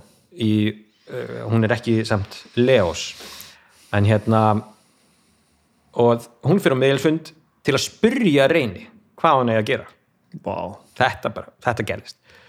Svo bara eigum við samtal setna, og þá segir hún, herðu, þú ert heppin hann sagði mér að býða eftir ungastráknum nei, svona. Ok. Þá bara býður eftir mér. Hún beið í átta ár sko. En svo ertu með þetta efni þá augljóslega eldfimt á mjög margan hátt. Já, Hva- hvar hvar liggur ábyrð það sem er að gera svona heimildamynd að ákveða hvort er ég að, ætla ég að gera þetta? Ætla ég að setja þetta svona frá mér mátt þú ráða en ekki fólkið hans, skilur við ekki það ég veit svo ekki hvort að fólk, eru ósátt við, við útkomuna eða útgáfuna sko. en þú veist hvar liggur þetta? Verð, finnst þér eins og þú þurfur að fá samþykki eða? Um, nei, eða sko þú veist, út í að ég var í svo litlu sambandi við fjölskyldunars, fyrri fjölskyldunars þannig að það samtal átti sér aldrei stað nema við Leo sem tók þátt í myndinni, sem let mér fá efnið. Og hérna uh, og ég sagði alltaf þessi mynd verður hreinskilin. Og, hérna, og útskýr alveg fyrir honum að þau hefðu ekkert um það að segja hvernig myndin er því og það, þannig var líka samtali við Erlu, setni konun hans að ég segi, þú veist ég verð, þessi mynd verður að vera hreinskilin og þið megið ekki hafa eitthvað að segja hvernig ég gera hana. Ja, myndur þú, hefur þú bara hætt við að gera þetta ef þau hefur ekki viljað það? Já, já, ok. Ég hefði gert það. Og ég, ég vissi ekkert, ég vissi alveg þú veist, auðvitað hafði ég smá veður á því ég var búin að fara rúnt í kringur landið og finna alltaf þetta fólk sem ég ætla að taka viðtölu við og taka diktafón bara svona viðtölu við þau, bara svona fá ég þurfti að svona krista fram söguna. Þá fór ég náttúrulega að heyra hluti bara já, ok, við erum þarna. Þetta er svona að segja, þá áttaði ég mig á því að ég yrði að hafa fullt frelsi Já, já, að já. gera myndina. Um, fyrir konan hans ég veit það fyrir vist í dag að þau eru, mjög, þau, eru miklu sáttari við myndina en meðan ég var að gera hana. Já, þannig að þau voru ekkert að mér skilst ekkert ósátt við þessa útkomu og því að ég held að hún hafi haldið að ég væri bara að fara að segja tarala, hann var frábær. Já, já. Um, en það er ós að að gera það. Það er mjög auðvelt. Það er ekkert mál, og, og hvað, þú veist það er ekki mannleg saga. Nei, ég veit það en, en, en sko má gera þetta? Má maður fara á svona alltaf því ljúga í sko, ertu það að meina bara að, að þau veist, að bara búa til sína eigin frásögn af þessu? Já, ég held að mjög margar myndir séu svolítið þannig já, að fólk bara meina, hvað fannst þér um Freddie Mercury bíómyndina? Ég er náttúrulega skildana bara ekki sko að, Nei. náttúrulega, en, en hún en það er náttúrulega ekki heimildamynd nei, nei, en, en hún er náttúrulega óþólandi fyrir alla sem að vita eitthvað um tónlist af því að hún náttúrulega bara líka hún er bara raung sko. Já, já. hlutinni gerist bara rangri röð og sund bara gerist alls ekki sko. Já, það er kannski aðeins annað þegar það er bara búið að og það er upp á borðum og það er bara verið að breyta sko. En, en það pyrraði mér alltaf helling sko. og ég er alveg viss um það að meina, allar þessar frásanir sem eru í myndinu sé ekkert einhvern veginn alveg 100% nákvæmlega réttar. Nei, og ég er alveg viss um það að þetta hafi svolítið uh, veist, eins og bílaeltingaleikurinn ég veit ekki hvernig þessi saga verður til. Nei, nei en hún er ógeðslega skemmtileg og ég, þú veist, ég sagði bara eins og þau sögðu mér hana. Já, ég misti af því miður einum viðmælanda sem lést á meðan ég var að gera myndina sem var lögreglumadur sem tók þátt í eldingarleikna já, ok. Uh, og ég var búin að tala við henni síma. Hann bjó ekki á Íslandi sko. Og hérna, ég var búin að tala við henni síma og, og hann, hann talaði alls ekki vel um reyni sko. En, en sagði bara þetta var þetta var magnað. Þetta er svo ótrúlega saga sko. þessi mynd er algjört gull, hún er alveg briljant já, ég er voða ánægð með henni og stoltur af henni og, og ég er bara svo hún var pínu svona eins og þessi plata sko. Það er bara geggjað að hafa klárað þetta já, sko. ég mitt, bara komið svo form. Já, já, þetta gaf mér ekstra kikk líka þetta að hafa hitt hitt þessa stráka þetta sem síndi mér orginal stöffið sko. já. Og það, þú hugsaðir, það- hvað var gaman fyrir þá sko ég veit alveg hvað strákar þetta eru. Já, ok, Og hérna- við grunnaði það. Og því að fjölskyldin er ekkert eitthvað það stór sem býr þannig fyrir eða, jú, jú, hún er það stór en ef þetta voru hérna, frændur hans uh, þá voru þeir sko, sumir af þeim að sjá sko, viðtal við mömmu sína sem ég tek þremur mánuð áður en hún deyr í já, myndinni. já, já. og hún var eina af þessu veist, skrýtna sem veist, ég heyri í henni hann 2008 þegar ég er að fara að stað og eitthvað svona, já, ég er að pæla í þessu og bla bla bla, og hún bara ef þú ætlar að ná viðtali við mig þá myndi ég gera það sem fyrst. Vá. og ég bara, já, ok, herri, ég bruna bara. Og þá í leiðinni náði ég viðtal við hann að gamla kallinn sem bjó á sem bæ sem náttúrulega vildi ekki segja neitt. Þannig, hann bara á mjög skrítið viðtal. En hann lést náttúrulega líka, hann stutti setna sko, sá maður. En, en þetta viðtal við Rósu var algjörlega bara uh, frábært að ég hafi náð því sko á sín tíma.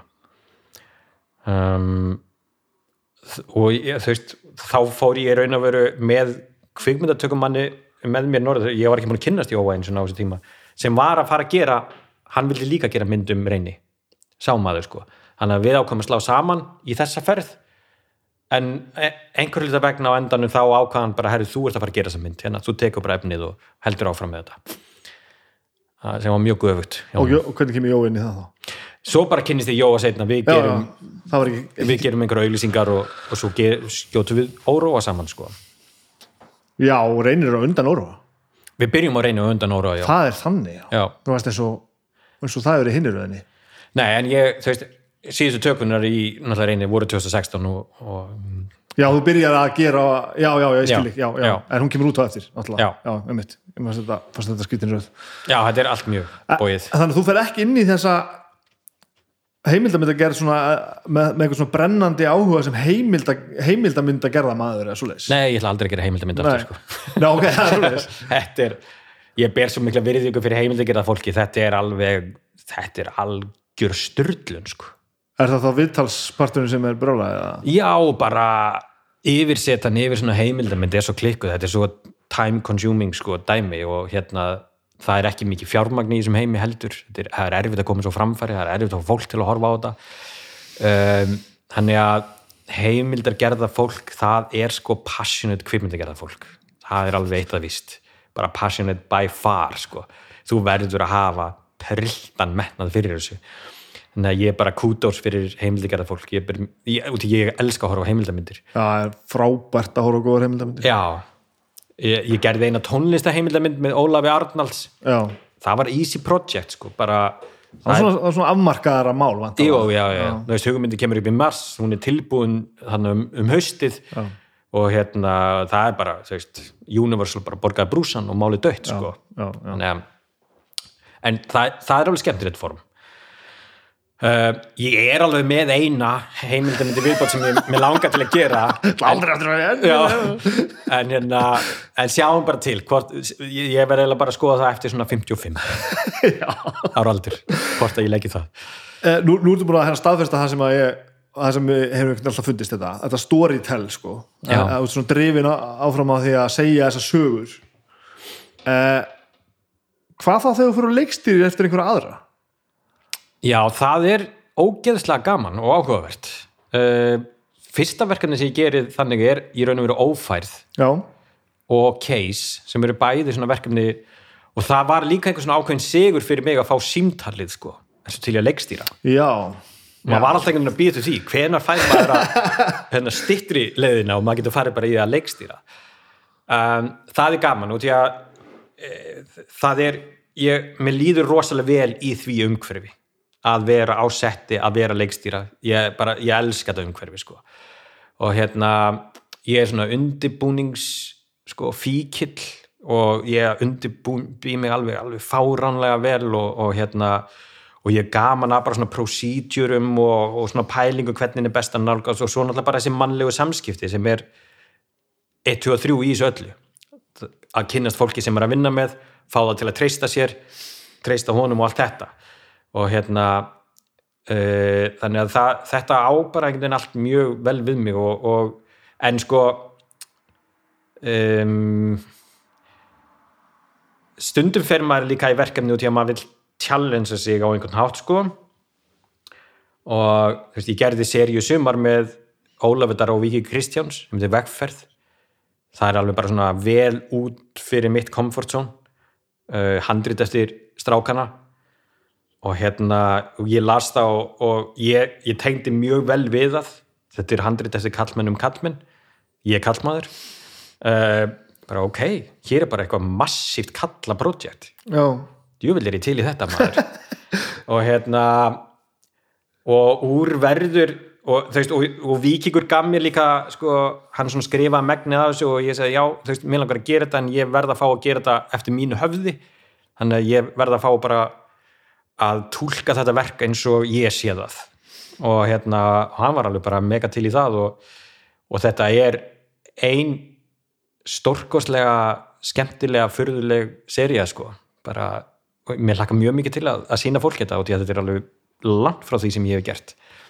Og, og þú nær alveg svona því að þetta sé gott þó svona, ég trúi því, þetta sé alveg bara drullu fínt sko. Þetta er svolítið þegar þungar okkur fyrir að pródusera hip-hopi sko. Já, já, að það, það er oft ekki gott þó að hann haldi það. Nei, nei, það er alveg lauk rétt Það er svona, já, að ég er ekki að að draga úr þér sko. Ertu vissum og vilja setja þetta frá þér já, já, já, ég er alveg viss um það og þú veist, maður bara fellur og stendur með öllu sem maður gerir. það er náttúrulega sem að verður líka að gera sko. Og þannig er það gott og, og, og bæði að Absolutt. berjast fyrir hlutunum eins lengi og, og er eigið að skilið og líka átt að segja á því þegar að bara, já, já, að þetta, þetta náði bara þetta land sko. algjörlega. Og, og ég er að fara í tökur næsta vor á sjómanseríu sem heita Svörtusandar og það er svona uh, og því að ég er ekkert mikill svona krimmakall sko, ég er samt búin að leikst þar bæði í ófærð og, og case ég horfi ekkert á krimma. Ég hef ekkert einhvern veginn, en það er rosalega gaman að búa þetta til.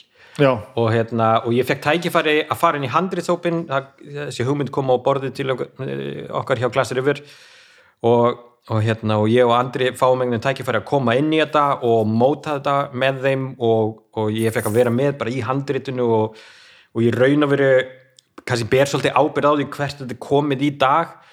Og að mér langaði bara að gera krimmaserju eins og ég vil sjá hana uh, og og ég er mjög spenntur sko þetta er alveg, þetta er alveg pínu öðruvísi en aðrar krimmaserjur sem við séð þinn á Íslandi Hver, hvernig sér þá munum á því þetta er kannski í grunninn sko, ég, ég, þetta er rosalega dark Já. ég bara, þetta er ég held að bara, ég held að lof mér að falla að sé bara komedi við hliðina á þessu sko. þetta er svo rosalega dark sko. ok, um, álveru viðfangsefni en þetta er samt bara í grunninn um þetta er svona bara hugleðing um vannrækslu batna sko.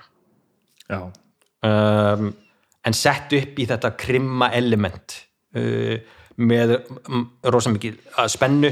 Þetta eru bara örfái karakterar. Það er kannski það sem er svona ólít við íslensku seríunar, þetta eru svolítið svona stór karaktergalleri, þetta hverjast um fimm karaktera, ég raun að vera átta þættir.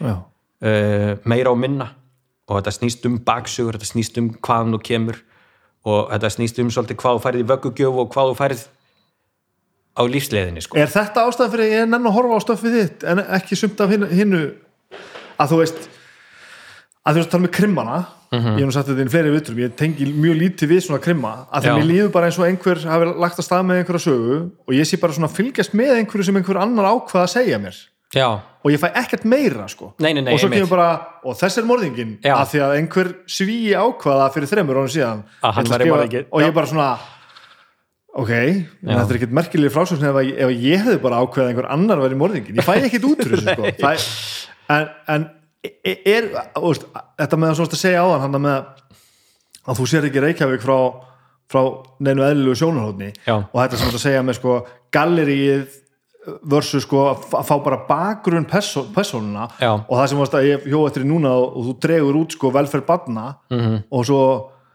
að þetta, þú ert alltaf með eitthvað svona alvöru viðfangsefni Já. en ekki bara áhugaverða sögu nei, allir það sé trikkið sem að dreifum miðin að þú veist ég veit að ég, ég spila þig spurningu um mig sem er mjög skriti Já. en, en, en sko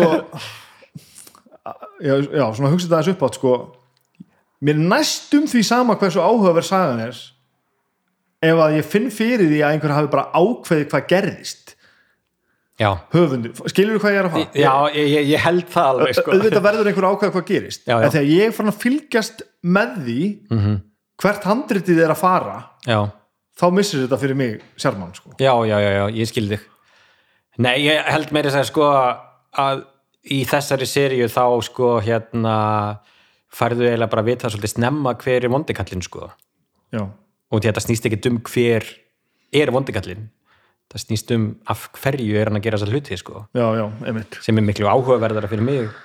En því að ég sko við erum náttúrulega að berjast líka svolítið við svona final episode sko svona pláu í dag sko. Að þetta er pest. Þetta er pest, maður er alltaf einhvern veginn vonsvíkin eftir hvern, hvernig einasta loka þátt og hverju einustu serju sem maður horfir. Er- sérstaklega búin að investa einhverjum árum í það sko. Þetta er erfitt sko. Það er ekki hægt að lifa. Ég man þegar ég horfði fyrst á Lost. Oh. ég var gjössamlega ofan dottin að því að Lost var frábært. Já, og þetta var, veist, þetta var þetta var 20 og þættir í seríu sko. Klukkutíma þættir, þetta var bara svona alger sturlun sko. Og, og eina sem hafi verið gert svona áður held ég var 24 sem ég einhvern veginn tengdi ekki alveg við. Nei, horfði á Lost og bara, þetta er allt sem mér finnst frábært já, og svo bara næsti þáttur og næsti þáttur maður þetta býða sko, maður getur ekki binsað þetta Mhm. -hmm. svo kom bara síðasti þátturinn í seríunni og hann kláraðist og ég fattaði að þetta er ekki á leiðinni neitt nei er ekkert upphaf og engin endir þetta er bara dýrasta sápöpura sem ég séð Já. og sama var ég fyrir þegar ég byrjaði að horfa Game of Thrones ég endist, endist bara eitthvað ákveðið land og svo bara þetta er ekki á leiðinni neitt sko. Það, er ekki verið að, það er ekki verið að fara með mér neitt þetta er áhugavert og skemmtilegt að einhvern, einhvern, einhvern þátt en ég fæ bara nei, nenni ekki, nenni ekki að fylgjast með einhverju sem einhver ákvað að reyna að selja mér sko. Nei, einmitt Já, þetta er afþreying, ekki gleyma því Já, það er kannski fjöndarsmáli sko. kannski er ég bara að slaka þess á hrókanum og bara leifa, leifa fólk að skemmta mér sko. Já, en það er samt sko mér finnst alltaf skemmtilegustu viðbröðin að við öllu sem maður gerir er þegar þetta hreyfir á einhverju tilfinningarlegu leveli fólki og veist, ég, ég fengi svo mikið af brefum og e-mailum frá fólki sem er að verðu fyrir einhverju -hmm. og það er, það er alltaf lang, lang sterkastu viðbröðin sem maður fær um, hinn sko ég, svo hef ég líka lent í sko hrókanum sko að hérna eftir vonastræti það, það varði eitthvað svona störlun á samfélagsmiðlum Já. þegar svo mynd var frumsýnd. Og ég, þrif, ég bara þrifst á þessu. Ég bara, hverjum degi fór ég að skoða komment og bara, bara og þetta var eiginlega yfir höfuð alltaf ógeðslega jákvæmt og ég bara, oh my god, þetta er svo geggjað. Ég haf aldrei lent í þessu áður. Svo þegar þetta fór að dopna þá fór ég bara að kreifa í þetta sko bara, herðu, hvar eru viðbröð er þetta búið? Er ævindri búið? ég trúi þess ekki. Þannig að ég fór svona einhvern veginn bara svona að reyna að henda ykkur fram og eitthvað svona bara til að reyna að halda í þetta sko. Uh, hvort sem það var aðtiklin eða, eða bara að fá að heyra þetta um verkið manns eitthvað, þú veist, það var eitthvað svona þangað til ég bara svona ég, og, og þú veist, heiða kona mín bara svona eitthvað svona bara, Baldin þetta er, þetta er nóg sko, nú skaltu bara aðeins slaka á. Um, og þannig að ég tók þetta algjörlega úr vonastræti og var mjög gladur að hafa gengið í gennum þetta þar og vissi hvað ég var að fara að stíga inn í ef þetta myndi hefnast aftur með, með lofum mér að falla. Um, en rosalega auðvelt að gleyma sér í, í þessari já, sko. ég hafði náttúrulega líka rosalega gaman að því sko að já, Pínu Hallgrími Helga sinni að þakka hvernig upphafið af vonastræti hvernig frumsýningin tekst og við, við ákvöðum að frumsýna sko tíu dögum áður forsýna myndina, tíu dögum áður en frumsýningin var. Við vorum allir, höfðum rosamiklega trúaði að gaggrinin sem við myndum fá og sem við ætlum að dæla út hann í millitíðin yrði góð. Bara treystum á það, hún er líka sínd að voru til sem var svona no-no í bíóbransanum á þessu tíma, bara vor ganga aldrei upp. Og hún var löng og þetta var drama, það var ekkert morð og hún var lengi að byrja. Þannig að það var allt dauðadæmt svona publicly með hana en góði dómar væri málið sko, þú veist við fáum alveg fyrir dóma veist, það, það byrja að koma dómar og svona, en tíu dagar var á langa tími nema degi fyrir frumsýningu þá skrifar Hallgrimur Helgason blogg eitthvað hversu stórkostleg er þessi bíómynd en hver er þessi Baldvin Seta? Já, já. allir fjölmennar ringdi í mig þennan dag bara, herðu, hver ertu, hvað er í gangi? Bla bla bla, ég fór á síningu eftir síningu og var alltaf svona að fylgjast með fólki svona, hvernig tók það í þetta og svona stóð mig ofta því að vera að standa við hliðin að hópa fólki sem var að tala um mig. Og ekki vissi hverju og engin vissi hver ég var. Og þetta var veist, maður bara, wow, þetta er djúvillig þetta er spennandi allt saman. Þannig að ég fór í einhvern svona leiðangur sjúkan leiðangur líka í kringum þetta vonastrættis dæmi sko uh, sem kildi mig alveg niður á jörðina síðan uh, þegar það svona leið yfir. Um, en þa- þannig að þetta eru þessi tveir ángar það er annars vegar þessi viðbröð og svo er það þessi raunverulegu viðbröð fólki sem sendir manni bref og þakka mér fyrir eitthvað. Já, já, já, og svo er það allt fólki sem sendir mér viltu segja söguna mína? Og ég er búin að fá rosalega mikið af því. Já, auðvitað. Alveg bara sögur sem ég vil stundum ekkit heyra heldur sko. Og ég hef alveg fengið sko bara löng bref bara í póskassan hjá mér og allt. Þetta er alveg og það, ég hef lesið allt sem ég fengið sko. Um, en ég, ég svaraði ekki og stundum ráðleiki fólki bara ég held að þú þurfa að leita eitthvað annað en til mín. Já, já, og eitthvað svona. Um, en það er nóg að sögum til. Já. Guð minn almáttur og það eru suma svo skelvilegar sko. Já. það er svo rosalegt sko. Já, það er svolítið þannig sko. En þú veist í gegnum þetta einhvern veginn allt er sko lífið mitt í lífinu er klárlega bara kona mín og börn sko. Þú veist ég hef oft velti fyrir mig sko ef ég hef ekki eignast börn svona snemma hvort að ég hefði haft drifkraftin í að gera þetta. Taktum aðeins svona frá þessu þú varst að segja og farið svona aðeins út af spórinu Er þetta bara fyllir í og neistla og svoleiðis? Já, það er bara fyllir og neysla og bara bull og vittlisa sko. Og hérna en einhvern veginn þegar ég kynnist sko uh, heiðu og þú veist á þessum skrýtna tíma, ég er farin að vinna hann á Action og Akurur sem breyttist í N4 síðan setna og hérna ég er bara, ég er bara mjög einhvern veginn týndur. En ég var búin að vera svo lengi sjúklega ástfangin af þessari konu. Og hún vissi það alveg sko. Hún bara var ekki að gefa sig sko. Svo gaf hún sér loksins og hérna og við, ég, ég náði draumadísinni uh, og við urðum bara ólétt þremur mánuðum eftir að við byrjum saman sko. Búm, hvað er þetta gammal á? 22 uh, og við erum í æfingarhúsnaðinu að æfa fyrir plötuna upptökur. Já, það er bara New York ferðin yfir staðinn sko. Já, já, já, já. Hva, að- Hvað er eftir þá í ferlinu með þetta sem varst að tala um að reyna að finna sjálf og þetta með kynneðina og Ég meina, ég var alveg, alveg orðin örugur um það að ég væri, þú veist, gagkinniður kallmaður, sko. Um, en, en ég þurfti alveg að taka þetta með henni, sko. Þú veist, ég þurfti alveg að fara og segja henni allt saman og hvernig mér liði með þetta og, og allt sem ég væri búin að fara í gegnum og, hérna, og, og það var bara svona góð samvinna að vinna út af því, sko. Er eitthvað sem þú þurftir alveg að vinna úr sem sagt, þú varst alveg með einhverja, einhverja pakka þá sem þurft að Já, takla já, já, já, já. Við komum öll með skemmtilega pakka inn í svona samband. Já, en þú veist, missa hvernig maður vinnur, vinnur úr því, sko Já, Sum- já. Sum er einhvern veginn þú veist, ég er samt þetta, þetta hljómar eins og ég sé bara geðveitt og opinn og bara allt sé ekkert mál, þetta er alls ekki þannig ég er alveg búin að klöngrast með helling þú veist, með mér allan að tíma og, og hún er algjörlega ástæðan fyrir því að ég veist, hefur líka leitað mér meiri aðstöðar en ég hefði alltaf gert og, og allt það. Og hún er einhvern veginn miklu, miklu opnari fyrir öllu þessu en ég, hún kemur bara með einhvern veginn allt annað sjónarhort inn í þetta. Og hérna uh, og svo er hún bara þú veist, já, og, þú veist, og þessi drifkraftur að vera með fjölskyldu en vilja vera listamaður á sama tíma Já, það er svo erfitt, það er svo flókið. Það er ómögulegt. Þannig að, að þetta var einhvern veginn svona ógeðislega mikil þrjóska styrlaður stuðningur uh, og fórnfísi hjá henni líka.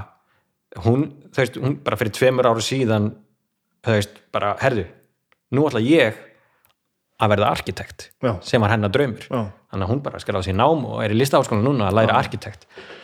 Um, og hérna og, en við eigum þrjú uppkomin börn, eða þú veist, ekki alveg uppkomin en, en frá 13 til 20 þannig að uh, elsti okkar, hann svona markar svolítið tímumótin þegar við byrjuðum saman og hann kom eiginlega strax. Um, og það er e, sko þessi 20 ár og þessi þroski og þetta líf sem maður hefur tekið út með henni og fjölskyldinu það er bara hefur, er það sem hefur gert mig að mannesku sko. Og ég hef aldrei einhvern veginn ég hef gefist upp marg oft að reyna við þetta og sko 2007 þá búið til Danmörku og ég er reyna að komast inn í kvipmyndaskólan danska og ég gerir tvæ tilrunir en ég kemst ekki inn. Og við flytjum heim í byrjun ást 2008 og ég fekk vinnu hjá einhverju svona framlýslu fyrirtæki hérna leikstir auðlýsingum og ég kemst að því eftir tvær vikur ég er búin að vinna þar að fyrirtæki er að fara á hausinn. Og ég er búin að flytja allar fjölskylduna heim og hann skuldar út um allt og ég fæ ekki neinn verkefni fyrir en ég hætti hjá þessu fyrirtæki. Það var skilabóðin sem ég fekk allstar það er þú út að vinna á honum, já nei, nei, nei við stundum ekki viðskiptu great, ég er bara komin heim og eitthvað svona. Þá reynda að stopna ég mitt fyrsta framlýslu fyrirtæki sem fó bara, ég fó bara og því að enginn vildi ráða mig og því að ég var bæði óreindur og öll fyrirtæki voru í fjárháskrökkum og hrunið og allt saman, það var enginn að leita sér neinum á þessum tíma þannig að ég stopnaði mitt eigið fyrirtæki og fór að undirbjóða hinn fyrirtækin bara til að ná, ná mér einhver verkefni og Já. náði að gera það. Og bara, þú veist gerði fullt af auðlýsingum hana á einhverjum stuttum tíma sem ég bara framleiti sjálfur. Þetta er að, svona eftir á higgja bara það rugglaðast það sem ég hef gert sko. Ég bara vissi ekki neitt hvað ég var að gera. Steg út í þetta. Þetta er mjög áhugaður, blanda á milli þess að vera einhvern veginn svona einhvern veginn svona við það að missa fótana Já, en samt með þess að staðfestu að ætla að ganga hlutina, alla leið. Já, þó kannski þú sést að tala um aðeins svona tvö tímabil fyrir og eftir konunaðina en, en það er svona samt eins og í, í gegnum alla óreglun og óvissun og allt þetta þá eru samt alltaf verið með augun á því að þú ætlaðir að ætlaðir að fara þessa leið. Já, það virðist vera sko. Og heldur þú hefðir þú veist hefðir þú mögulega enda bara einhvers staðar á slæmum stað? Ef að, eða hefðir alltaf komist sem að- Nei, ég, ég held ég held út af því að maður var sko ábyrðatilfinningin er svo rík í manni að þegar maður var farin að fæða lítil börn að þá var ekkert erðu, ef þú ætlar að gera þetta þá skaltu bara drullu standa því sko.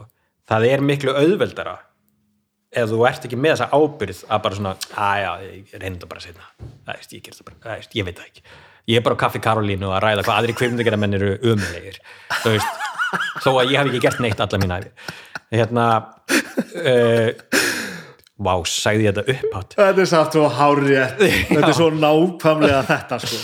Já, þannig að ég er bara svona eh, ég held að það hafi verið rosalega stór drifkraftur hjá mér. Að að, að, þú veist, að vera sko, að, að bugast ekki og klikka ekki fyrir það unit sem ég bara ábyrð á sko. mm. en í bland náttúrulega við þessa bara þrjósku sem maður hefur einhvern veginn frá upphafi sko, greinilega. Þú veist, þetta er maður hefur alltaf verið einhvern veginn voðalega staðfastur í að láta ákveðin hluti gerast. Um, já. En er það eitthvað sem þú ætlaðir að láta gera sem að gera svo ekki? Af því þú er svolítið búin að tala bara eins og þetta var bara, ég bara að gera kveikmyndir nú ertu bara að gera kveikmyndir Já, sko já, já, ég meina, þú veist, einhvern tímann langaði mig að halda áfram í fótbolta já, já, þá var það, já, Já, en hérna þú veist, 2008 eh, þegar eh, ég hætti hjá þessu fyrirtæki sem var komin á hausinn þá var ég eiginlega komin bara á þann stað að sækjum í skóla, sko. Ég er bara svona, já, ég ætla bara ég ætla að fara að læra sálfræði, það var svolítið svona go to Já. hjá mér. Eitthvað, eitthvað svona e- eitthvað svona mannlegt. Og hefur þú bara orðið góður í því Vist, með sjálfa, ég er ekki, ekki efast um getuðina sem sjálfsvæðing en hefur þú orðið glaður við það líka? Nei, örugglega ekki sko. Sennilega ekki sko.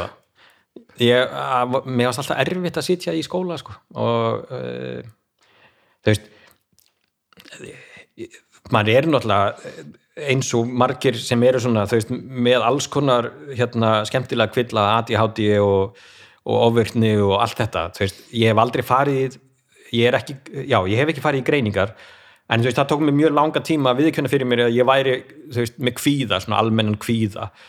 Og þú veist, ég hef alltaf verið með þessi einkenni en ég hef aldrei skilgrind þessi kvíða, sko. Um, það var eiginlega svolítið svona heiða bara þú veist að þú ert kvíðasjúklingur. Bara, nei, hætt þessu, ég er ekkert kvíðasjúklingur. En auðvitað er maður það og, og þú veist, ég er svona flækjufótur ég, þú meira sem að fá smá snertaði ég, ég á það til að tvíbóka mér svolítið mikið í lífinu, ég á það til að vera á einu stað og fatta bara já að vera öðru stað. Já, ok. ég er mjög flíkur í því. En það er áhugavert með það sem tala um skipulags eiginleikarna sem leikstjóri. Já, svo bara kemur maður þangað og þá bara gengur allt upp. Það er alveg styrlað Þetta er styrlað, ég kannast við þetta. Já, að að vera fólk skilur þetta vonandi. Ég ætla að segja þetta bara eins og þetta er að vera nógu góður í einhverju eða vera það góður í einhverju að þú skilur ekki þessi vandamál fyrir aðra. Já, og ég lendi í stundu hér að vinna vinnuna mína að mér finnst þess að ég sé að gera of lítið að því að það eru auðvöld fyrir mig. Já, einmitt. Tengir þú að sé er, er, já, já, og, og það sem er bara svona já, ertu vissum að þetta sé komið? Ég, það, það tók sex mínútur að gera þetta sko. Mhm. Og það tók rosalega langa tíma að treysta þig bara, já þetta er það sem þú ert góður í sko. Þess vegna er þetta ekkert mál fyrir þig Já. og þó þetta hefði tekið fokking hálftíma þá var þetta samt drullu gott en svo er náttúrulega mjög margt annað sem að ég bara get alls ekki gert sem aðri gera hálftíma sko.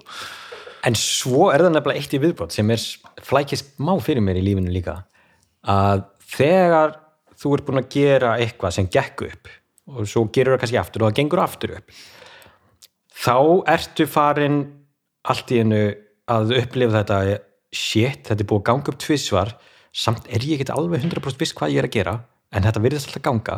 Og núna eru allir farnir að horfa á mig herrðu þessi veit hvað hann er að gera. Já, og ég, sko, ég var í alveg massífri flækju fyrir lónmera fallatökunar bara, oh, mér varst allt inn í, ég fara að setja press á mig nú verði ég að standa mig og eitthvað bla bla bla, ég er ekki svona veist, ég veit núna miklu meir um all mistökin sem ég get gert og hvað nú verða allir að horfa á mig eitthvað, já, já, já, hann hlýtur að vita hvað hann er að gera þessi. Um, ég hef svolítið bara lært að, að vera mjög hreinskilinn. Að þegar þú ert bara á þeim stað bara jæja krakkar ég veit ekkert hvernig við leysum þetta. Þetta er ridiculous sko. ég, ég er alveg bara, ég er stend á gati núna. Og það er það það er tala um bara, setti eða, já, já, eða bara, bara, bara hvað undir, undir hvaða kringustæðin sem er núna er ég náttúrulega líka farin að vinna við það að lesa handrit annara og koma með kritik og móti sem er mjög erfitt. Mér er bara mjög erfitt að veist, yfir höfuð. Þannig að ég fer alltaf einhvern veginn hnút þegar að reyna að koma með mína skoðanir á framfæri. "Ah, þetta er ekki alveg að virka fyrir mig ég veit ekki alveg hvað þannig að ég, er, ég held ég sé alveg líka einhvern veginn svona pínu óurugur og, og, og þú veist, í mér en, en það brist ekki út í, þú veist, stundum hjá sumum br- brista út í reyði eða, eða maður fer að skamma fólk í kringu sig og koma svo aðra. Mér finnst bara fínt að tilenga mér hérna kallala mína sko á þessum stundum sko. Þetta er frábær já, að allir pyrringurinn og bestvissir að háturinn sé, sé sama já, að brjótast út á öðru stöðum. Já, ó, hvað þetta er gott. Þetta er svo hárétt þegar þú segir það sko. já. Það verður engin pyrrað við annan á vissu svona aðstæðunum bara því að vantreysti sjálfur sig sko. nei, mitt en þú, þú upplifir þá ekki sem svona þú veist að því að þú veist, mér er alveg saman hvað þú segir þú ert auðvitað stjórnuleikstjóri skilur þú, já, þakka það fyrir. Menn þú tikkar í öll þau bóks já, ok. En þú, þú ert ekki, þú veist þið, þið líður ekki sem að þú sért þessi gaur.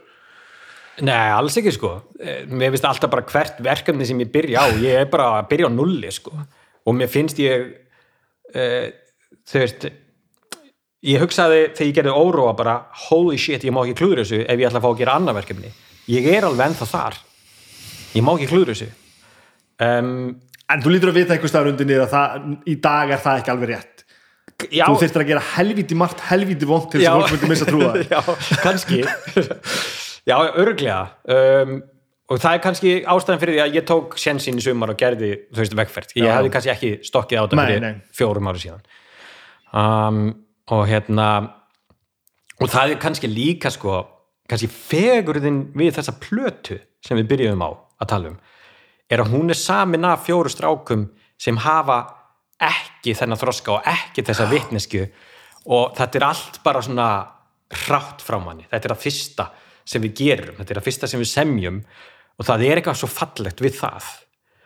Og við erum ekki meðvitaðir um hlutina þegar við erum að þú veist, út í að þú maður finnur oft í svona tónlista þroska hjá hljómsveitum og annað. Stundum færist maður í burtu frá hljómsveitinni, maður hættir að fíla þroskan þeirra. Uh, stundum vill maður að þeir þroskist meira Já. og fari út úr þessu fari. Og þú veist, maður heldur alltaf upp á þessa fyrstu þrjár plötur sem eru, þú veist, þriðja platan er einhvern veginn alltaf svona jæja, hvað eru þeir? Raunverulega, við erum búið með hennar fyrstu tvær sko. Um, og það er ógeðslega gaman að gera þessa plötu 20 árum eftir hún er samin út í hún er samin af 18-19 ára strákum sem voru ekki meðvitaðir um neitt. Ég upplifa þetta stundum þegar ég heyri gamalt stöff eftir mig já, þá hugsa maður bara, ó, hvað ég vildi geti sami svona riff akkurat, akkurat. Og það er ekki hægt. Vegna þess að þegar þú samdir þetta riff þá vissir ekki betur. Já, og þetta var eitthvað til fullkomlega eðlislægt þú efaðist einhvern veginn ekki um neitt. Einmitt og ef ég var að gera þetta í dag þá var ég bara að kópja það sem ég var að gera einhvern tíma. Ég Já. búist, þetta gengur ekki upp. Nei, nei, nei. og þú getur ekki sett í þessar aðstæður. Og þetta er ótrúlega tilfinning að finna það er það, en það er líka beauty við kvímyndagerð að uh, að þú veist maður getur unni með alls konar handreitsöfundum að sögunni sem þú gera. Og, og hérna ég er að vinna með sko tveimur handreitsöfundum í bíó, tveimur bíómyndum ég er að vinna síðan með öðrum handreitsöfundum í, í hérna sjómaseríunum og hérna, og öll þessi samstörf eru bara gjör ólík hvernig við nálgumst það og ég er alltaf að læra eitthvað nýtt bara, wow, þetta er geggjað, þetta, þetta fólk. Og þú veist, ég er með tvo mjög unga höfunda í tveimur verkum og bara, þetta eru tveir strákar sem eru bara með eitthvað svona tilfinningaþroska sem ég bara næ ekki upp í og því að ég var bara alls ekki þarna þegar ég var þú veist, 25 ára gamall bara hvaðan komið þið maður, þetta er svo klár þetta, oh, ungt fólk er svo klárt. Já, þetta er, þetta er allt miklu betra heldur að hef ég vorum að Já, gera guðminn almáttuður Það er bara, já. En hvað ertu þegar þú ert ekki Baldvin Seta? uh, Þá er ég, þú veist bara algjör lúði heima hjá mér. Bara hérna um, elska bara að vera einhvern veginn e- heima spila FIFA, horfa okkar með krakkunum þú veist, bara að dulla mig við eitthvað sko. Ég, ég er í grunninn er ég leti haugur sko. Að, ég elska leti sko. Þannig að COVID er alveg búið að þó að ég sé búin að vera fullu í COVID en, en það er ógeðslega gott að geta lift sér að vera heima. Já, og bara, ég get þetta líka ég, Já. ég, veit, ég veit nákvæmlega hvað varst að segja ég er þetta fokklélur í FIFA en, en restina skil ég já ég lærði á FIFA í COVID sko það, í alvöru? Já. Ó, fokkaði þessu maður ég Já. hef átt að nota, nota tækifæri sko. ég, ég er að verða fít sko að börni mínu er ennþá svo fokkléli í plessjón sko. já er það svona lítil þá eða já, 5 og 3 ára sko. Já, já, já, þannig að já. það, það er Já. vandamáli sko. Ég kemur- hef samt ekki afsökunum því ég er rosalega mikið að spila bara einn í Playstation sko. Já, Þannig ég ger það líka sko, en ekki, Já. ekki FIFA sko. Nei, nei. Á, þetta er gott. Ég, Þú þarft ekki að vera góður í grunn í fótbolta til að vera góður í FIFA sko. það er gott að vita. Ég, ég, gat, ég var góður í frjálsum aldrei, aldrei. En áttu eitthvað sem þú gerir sem áhugamál? Sem, fyrir þetta kannski að spila plessjón Já, er það bara fjölskyldan, þú veist, eða já, ég meina sko þú veist, mér, já já, einmitt. Sko um, mér finnst voðalega gaman að búa til tónlist einn sem enginn fær að heyra. Mér finnst það mjög skemmtilegt. Já, ok, þannig að ég er svona mikið að dúlla mér við það. Ég er búin að segja við heiðu að ég sé búin að eigða átján árum í að búa til laghandinni.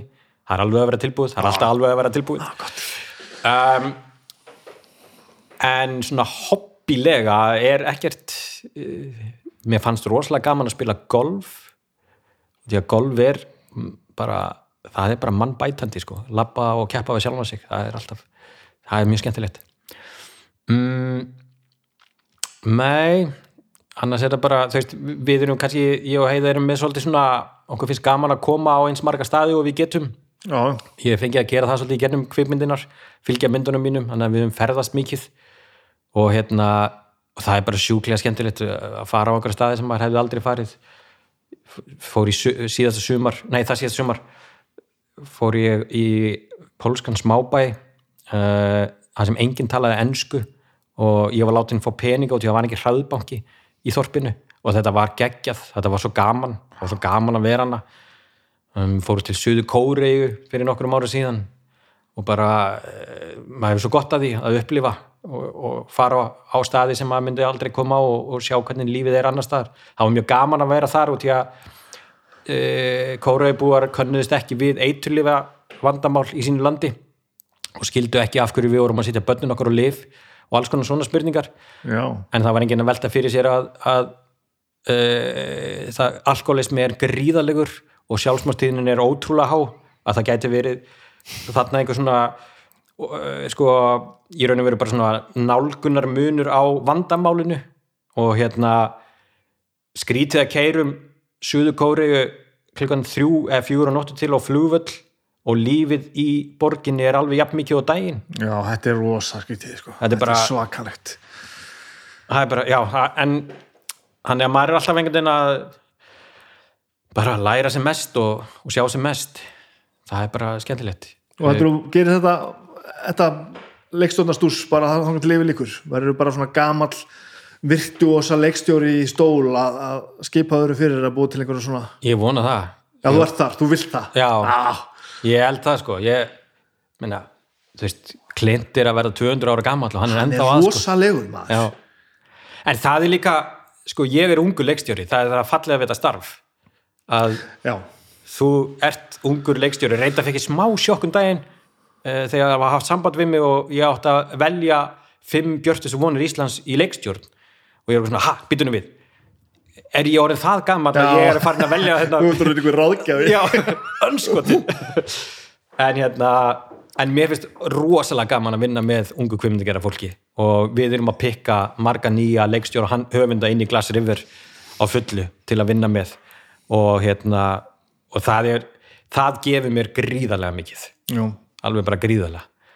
Um, og því alltaf getur maður lært af öllum. Það er bara um, þannig að ég vona að ég fái að vinna við þetta já, það sem eftir er. Ég er alveg til í að hægt og rólega verði færri verkefni og ég geti fengið le lengri augnablik á milli. Já, ég skil ég um, þetta er búið að vera svolítið stíft. Um, og til að geta lifað á þessu þá hefur maður þurft að halda svolítið mörgu boltum á lofti. Og því ég hef aldrei unnið aðra vinnu frá árinu 2005 ég hef bara verið í kvimdagerð það er staðfestað maður. Það er klikkað sko. Um, það voru líka alveg alls konar heimildir og, og alls konar bankalán og alls konar rugl sem maður þurfti að gangi gegnum. Það er alltaf baki í dag en hérna bara til að reyna að halda í þetta og komast á þennan stað sko. Þetta er smitandi ástriða sko. ég, er bara svona, þetta er nærandi að heyra þið tala um þess að gera. Er já, bara- þakka þið fyrir. þetta var frábært, takk fyrir að tala um mig. Takk fyrir að fá mig.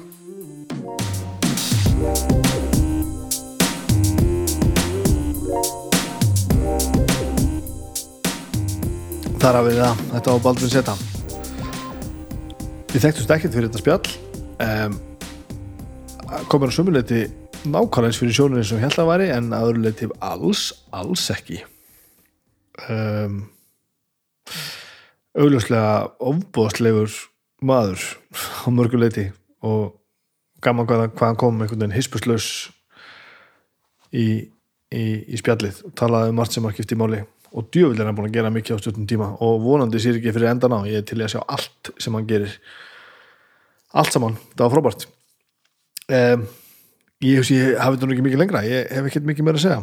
Ég er bara hérna óvand komin í árvöndafrí og já, klukkan er vel yfir minnati ég sitt hérna bara og er að sötra bjór búin að vera, vera að horfa hérna, búin að lesa þess aftan á hérna þessar kaffipakningar allar saman sem ég tók hérna saman.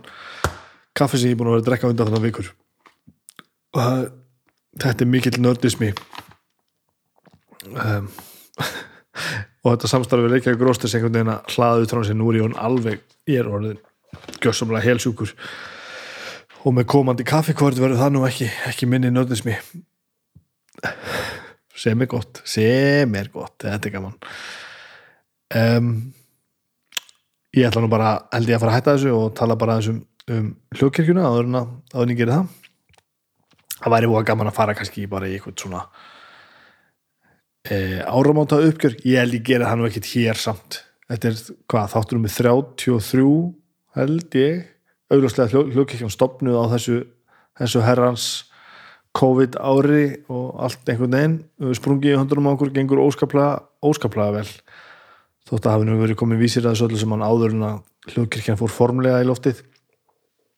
En ég held að þetta, þetta áramáta uppgjör verði annar staðar heldur en hér.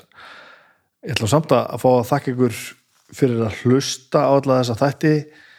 Þetta vex og vex, það er alltaf engum að þakka nema ykkur sem eru að hlusta og, og, og sér ekki fyrir endan á. Ég, ég veit ekki hvað gerist 2021 en, en ég er alveg til í það. Ég held að þetta verði ógeðslega skemmtilegt með að hvernig gengur núna.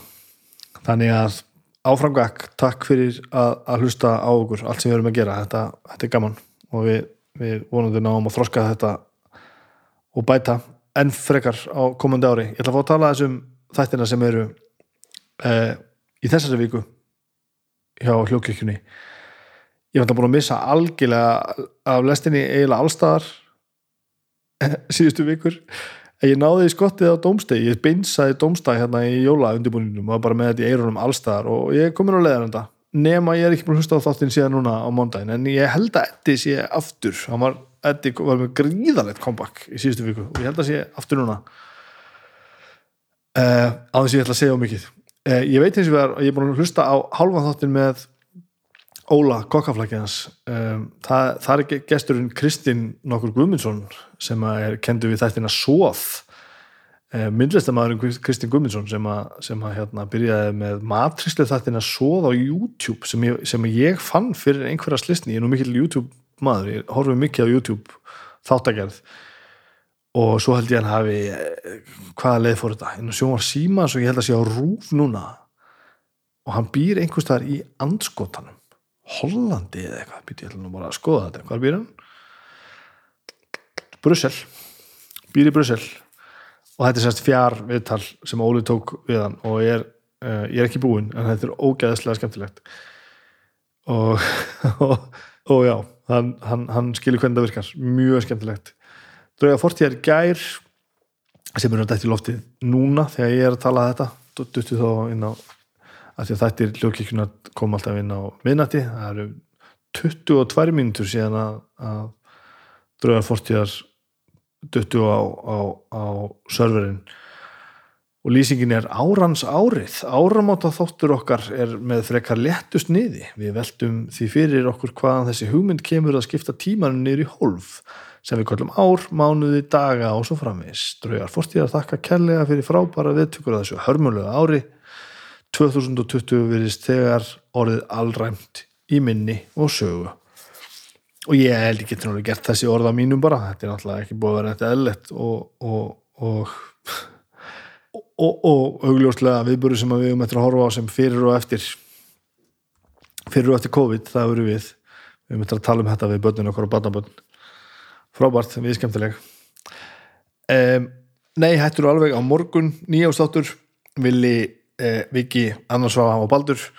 Og engi gestir gerir á fyrir þau eru búin að taka þá afstuð að vera ekkert að bjóða gestum í COVID ástandur og það er bara búið að vera ógeðslega gaman. En það verður líka gaman að fá gesturinn tilbaka og nýjás eh, plata, besta platan er Keeper of the Seven Keys part 2 með Halloween. Nú fyrir við í smá svona við, við hefjum árið 2021 með, með, með þýskum uh, aflmálmi, það er þýst power metal. Frábær þáttur þó ég segi sjálfur frá, mjög gaman og af nógu að taka, mikið um að tala og kunnáttan var vissulega fyrir hendi. Já, hjá sumum okkar allavega skemmtilegu þáttur, algjörlega. Eh, ég ætla að klára bjórun sem ég er að drekka. Ég ætla að fara að sofa. Ég ætla að njóta þess að vakna með börnunum mínum hérna morgun og eiga þessi áramót. Og þannig er það bara, takk fyrir þennan frábæra þátt. Passið ykkur á, á ég ætla ekki að segja passið ykkur á myrkrinu en gera það samt, hafið það gott. Klappið í hvort þau eru uh, ekki knúsa stofast um, um áramótin. Við erum ennþá að sigrast meðum ekki gleyma okkur. Munum bara að láta okkur líða vel og þetta verður allt í lagi. Þetta verður allt í lagi. Við sjáum stinnum einn takk fyrir að hlusta, bye